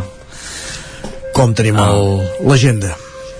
Doncs uh, tapaïda, la tenim atapeïda, Això és sobretot de, sí, d'exposicions, uh, també de- d'una mica de teatre, però sobretot d'exposicions i, i també d'alguna presentació de, de llibres. Si us sembla, uh, comencem uh, per aquesta presentació de, de llibre aquest divendres a les 7 de la tarda al Museu Etnogràfic de Ripoll es presenta Les Fargues del Berguedà de Roser Comas i Josep Sánchez que és un llibre que està extret eh, fruit d'un exhaustiu treball de recerca dut a terme pels autors al llarg dels darrers anys. Aquest volum desgrana l'evolució de l'antiga indústria siderúrgica a la comarca veïna del Ripollès, el Berguedà, i en paraules de Rosa Serra, mapes, esquemes, documents i fotografies s'hi descapdella la història de les fargues berguedanes i també de la seva gent, sobretot de la banda doncs, de Castellà de Nuc, de Sant Llorenç de Guardiola, de Berguedà, eh, de l'Espà i de Saldes, també de la Riera de Merlès, i també doncs, eh, de la família Farguell, que va posar doncs, en, en marxa una d'aquestes uh, uh, fargues. I bé, doncs uh, està molt bé per conèixer una mica doncs, tot aquest procés revolucionari que fou la industrialització al Berguedà de la mà de les mines i de les fàbriques tèxtils que sens dubte doncs, és un dels atractius més uh, turístics més importants d'aquesta comarca.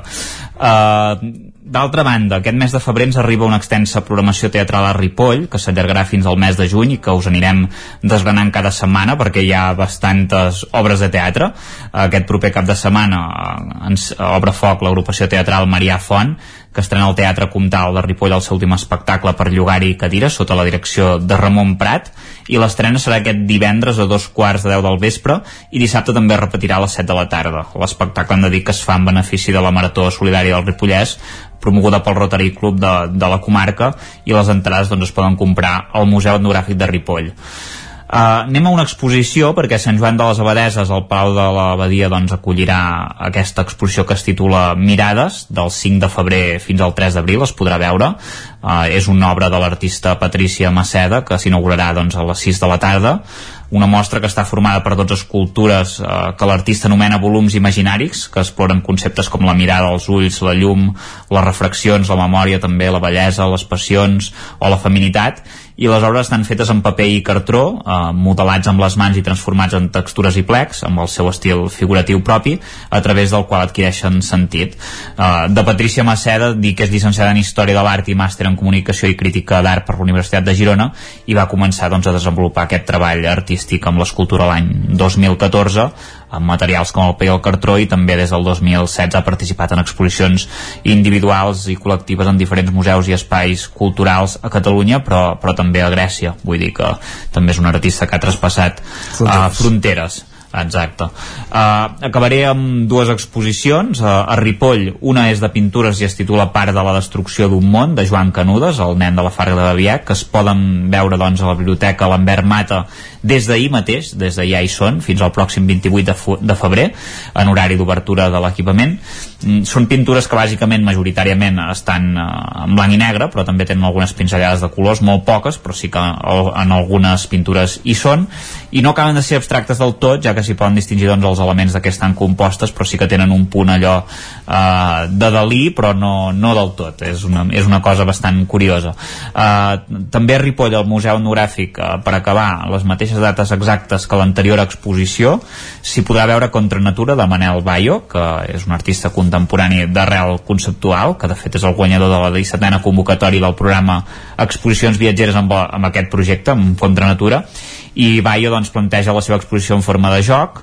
Uh, bàsicament mostra al visitant un artefacte amb unes regles que pot decidir seguir o trencar per arribar a descobrir doncs, diferents capes que amaga aquesta realitat, però la seva proposta va més enllà i intencionadament vol mostrar al visitant el sentit de la vida i els seus límits, i aquestes múltiples lectures del seu plantejament converteixen la mostra en una exposició metalingüística on es parla més de la manera com mirem o dels mecanismes de comunicació i transmissió utilitzats que no pas doncs, dels sentiments que provoca la, la visió d'una flor bonica i és que d'això va, va a la seva obra, eh, se serveix de la natura, eh, més concretament de la forma d'expressió de, de les flors i, i bé, doncs eh, bàsicament són aquests eh, eh, aquesta exposició de, de dibuixos doncs, de, de Bayo que està, està molt bé també i que és una de les propostes que us porto aquest cap de setmana que ja veieu que sobretot eh, són exposicions. Molt bé, doncs aprofitarem per anar al Ripollès, gaudir dels espais naturals i també de, de les exposicions a l'interior a les estones de fred. I així,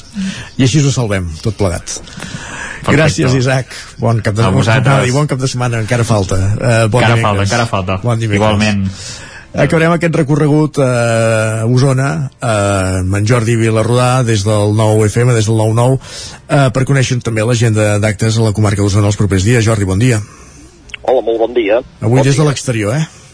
Avui des de l'exterior justament eh, acaben de presentar una activitat cultural destacada d'aquest cap de setmana, o, o vaja, de, de fet de les properes setmanes, eh, s'inaugura eh, l'exposició que es fa en homenatge al pintor, dissenyador i pedagog Jordi Cano, que va morir ara aviat farà dos anys a conseqüència del Covid, i serà una exposició que es farà eh, a partir de divendres i fins al dia de Sant Jordi es podrà veure al Centre d'Art Contemporani, a l'AC Vic, que és on, on ara som precisament eh, després de que ens hagi presentat l'exposició la seva comissària, la Glòria Picazo. Perfecte. Per tant, entenem que una exposició que, que valdrà la pena visitar els propers dies. Pots destacar algun tret? Sí, eh, és una exposició que eh, reuneix, explica la trajectòria del Jordi Cano, que va ser dissenyador gràfic, que va ser artista visual, sobretot centrat en la pintura, que va ser pedagog, després doncs, a l'escola Elisada, Universitat Pompeu Fabra, i l'explica a través, sobretot, del seu univers, es diu univers Jordi Cano, la, la mostra, i explica quin era el seu món de referència, sobretot a partir de tres llibres d'artista que va fer, o sigui, no és tant només fer un repàs cronològic de la seva obra, sinó explicar qui era Jordi Cano a partir de tres llibres d'artista que, que va fer. Jordi Cano va ser segurament doncs, les persones eh, més eh, que, que ha marcat a Vic algunes coses, per exemple, doncs, en el món del disseny, en, en demogràfic, eh, després també la seva pròpia feina artística, eh, com a dissenyador, fins i tot l'actual emblema de la ciutat, aquella de baixa, és s'obra d'ell, per exemple, uh -huh. i estava en plena activitat creativa i professional i va ser malauradament de les primeres víctimes de la Covid l'abril de 2020.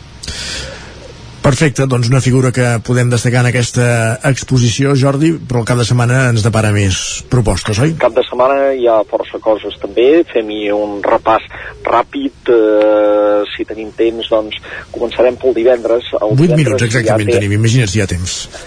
Mare de Déu. Uh, el divendres tenim una activitat teatral potent a l'Atlàntida, és una obra que es diu Final de partida. Final de partida és un dels grans clàssics del teatre del segle XX, de Samuel Beckett, i se n'ha fet una posada en escena que entre altres al·licents la posada en escena de fet l'ha feta eh, i la direcció en Sergi Balbel i té els al·licients de veure en escena quatre grans figures del teatre català actual. És a dir, hi ha eh, en Jordi Bosch, hi ha en Jordi Buixaderes, que feia anys que es dedicava al doblatge, a altres activitats, però feia anys que no trepitjava els escenaris, i ha tornat amb aquesta obra, que es va estrenar a la temporada alta de 2021, i després, a més a més, en Jordi Banacolotxa i la Margarida Minguillón, o sigui que són quatre noms que segur que a tots, tots els coneixem, aquests, aquests noms. I, a més a més, en això, això veient un gran clàssic del teatre, del Teatre del segle XX es va publicar l'any 1957 del, del dramaturg Samuel Beckett. O sigui que és una de les propostes potents per aquest cap de setmana. El divendres a les 8 de vespre a la sala gran de l'Atlàntida. A la sala Ramon Montellà, molt bé. Ah, exactament. I sense marxar de l'Atlàntida i del mateix lloc, eh, a la sala gran, el, hi ha una altra proposta molt potent, el dissabte. El dissabte hi ha el darrer dels grans concerts, el cicle de grans concerts d'aquest any, que el farà la soprano Júlia Lesneva. Júlia Lesneva és una de les grans veus actuals de, del món líric, de fet, per molts, és considerada una de les veus més boniques del món. Eh, S'ha especialitzat en l'Ieda, sobretot, però toca molts gèneres i aquí farà un programa acompanyat per el pianista Pavel Nernessian eh, amb peces de Handel, de Vivaldi de Schumann també i finalment de Rossini, potser aquestes de Schumann els liets de Schumann són aquells en què serà més bonic poder veure eh, tota la i tota la potència d'aquesta soprano russa que, que tancaran el cicle de grans concerts. De fet, és probablement mm, el, el, el, el més important dels grans concerts que hem tingut aquesta temporada, el que es podrà veure el dissabte a les 8 del vespre a l'Atlàntida. I ja per no marxar de l'Atlàntida tanquem amb dues propostes més que es fan. Recordeu que la setmana passada havíem parlat doncs, de que es faria un concert per, pels més petits de tots, per infants de 0 a 3 anys, doncs això serà eh, amb xics orquestra, uh -huh. música per nadons de 0 a 3 anys i es fa en quatre sessions el diumenge. Eh, em sembla que la majoria estan exaurides, però la gent encara ho pot provar quatre sessions durant el diumenge al matí i a primera hora de la tarda. Eh, una, una experiència curiosa i interessant. I també el mateix diumenge ens arriba aquí un dels del tricicle tot sol i l'espectacle es diu Per fi sol. És en Carles Sanz del tricicle que aquest sí que no s'ha volgut jubilar gens ni mica i, i, i surt als escenaris però per explicar també anècdotes professionals i personals viscudes en l'època del tricicle també. L'espectacle, com dèiem, es diu Per fi sol i, i jo diria que no és només un monòleg, és en Carles Sánchez, sabeu doncs, que eh, és molt més... Eh, i, I serà molt interessant veure també doncs, la seva expressivitat en aquest cas amb la paraula, utilitzant la paraula, no? Molt bé. I, i això es fa en dues sessions, també, o sigui que eh, hi ha dues sessions, el diumenge a les 6 de la tarda i a dos quarts de 9 del vespre. Trobo curiós el nom del per fi sol, com si no estigués còmode amb els altres dos, no? Sí, sí, exacte, seria eh, per fi sol. Eh, Gràcies a Déu que, que puguin sortir d'un escenari sol després de tants anys amb aquest 40. que m'acompanyaven, no? Molt bé, molt bé. doncs ja seria, ja, seria, ja seria més o menys això el que, el que semblaria que van entendre. Però vaja, Eh, suposo que és el fet de... Bueno, forma part de, del toc humorístic de la, de la cosa. Ah, exacte. Espera, suposem, suposem que és això. No sé què és això. Uh, i, I anem per altres propostes uh, per aquest cap de setmana. Tenim el diumenge a les 6 de la tarda al Teatre Sirvianum de Torelló un espectacle que es diu Parner amb l'actriu i cantant Glòria Rivera. És un espectacle que es basa uh, en les varietats, els coplets, la revista, tot una cosa que té molta tradició uh, a Catalunya. Uh, recordem doncs, el paral·lel, etc etc. doncs eh, tot això posat al dia d'alguna manera eh, aquesta fascinació per aquest món però també posat, posat al dia eh, desenterrar-lo d'alguna manera i, i eh, posar al dia aquestes qüestions que a vegades tocaven que, eren, que podien ser de gènere, socials o polítiques però, però també doncs eh, ara eh, portades al segle XXI per de Glòria Rivera el diumenge a la tarda al Teatre Sirvianum de Torelló. Molt bé. i encara tenim algunes coses més perquè no s'acaba, no s'acaba això. Tenim algunes propostes interessants de, per públic familiar. Eh, tenim el diumenge a les 6 de la tarda en aquest cas a la sala petita d'Osona, al Teatre de Sant Hipòlit, una posada al dia de la llegenda de la vila, la llàntia meravellosa, càrrec de Festuf Teatre, teatre i titelles, en aquest cas. Eh, tenim també el mateix diumenge a dos quarts do, 12 del migdia al Teatre Liceu de Roda de Ter, un espectacle de circ amb la vella Tour i després a Ceba el dissabte a la tarda i tenim eh, un teatre, una proposta teatral també per públic familiar que és jocs de cadires, a partir del famós joc de les cadires que tots eh, coneixem, no? I encara eh, faríem referència a una proposta de circ que hi ha a Call d'Atenes, organitzada des de l'Auditori Teatre, mm -hmm. eh, és circ per públic familiar o per tots els públics, eh? perquè en aquest cas és eh, de la companyia Los Galindos, que segurament és una de les millors companyies de circ que hi ha a Catalunya, però no és dèiem, de, organitzat l'Auditori de Teatre, però no és a l'Auditori de Teatre, sinó en una carpa exterior. Els Galindos fa molts anys que es passegen per Catalunya amb una carpa, que és una còpia, diguem, d'aquelles carpes de, dels pastors de Mongòlia, de les llurtes, doncs és una carpa petita on està limitat, evidentment, el nombre d'espectadors que hi pot veure, i allà fan un espectacle que es diu Udul. Eh, aquest espectacle eh, es pot veure en també en una sessió, en aquest cas, eh, perdó, en dues sessions, eh, en aquest cas una és el dissabte a les 8 de vespre, l'altra és el diumenge a les 7 de la tarda, perquè evidentment la, la, la quantitat d'espectadors que hi pot cabre és poqueta, però és molt interessant doncs, veure en acció aquesta companyia, que ara ja porta doncs, eh, porta 20 anys de trajectòria dels Galitos i segurament doncs, és un dels referents que a més a més s'han passejat pel món més potents que tenim del circ a Catalunya.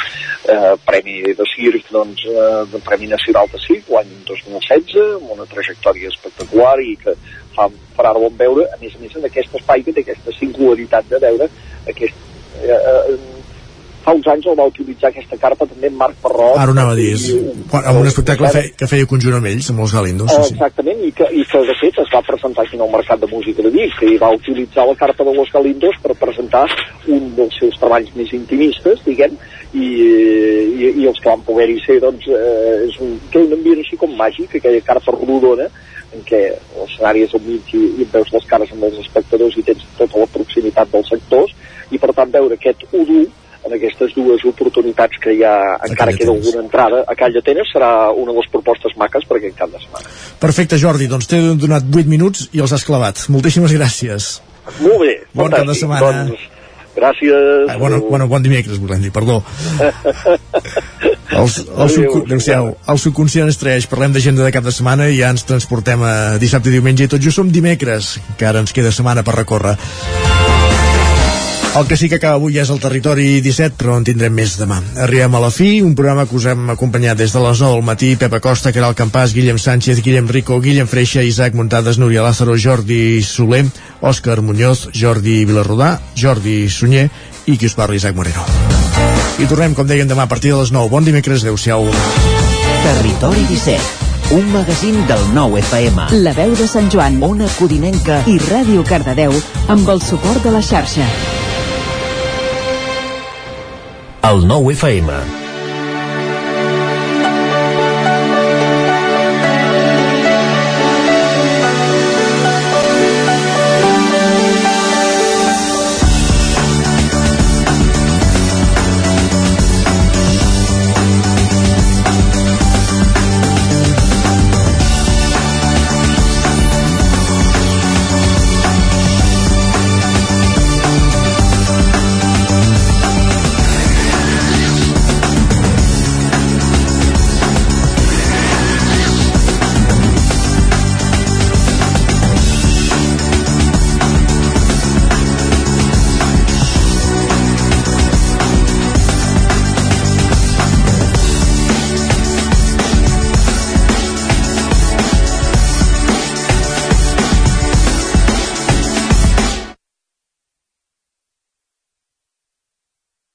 El nou FM, la ràdio d'Osona. És l'hora del racó de León, restaurant bar.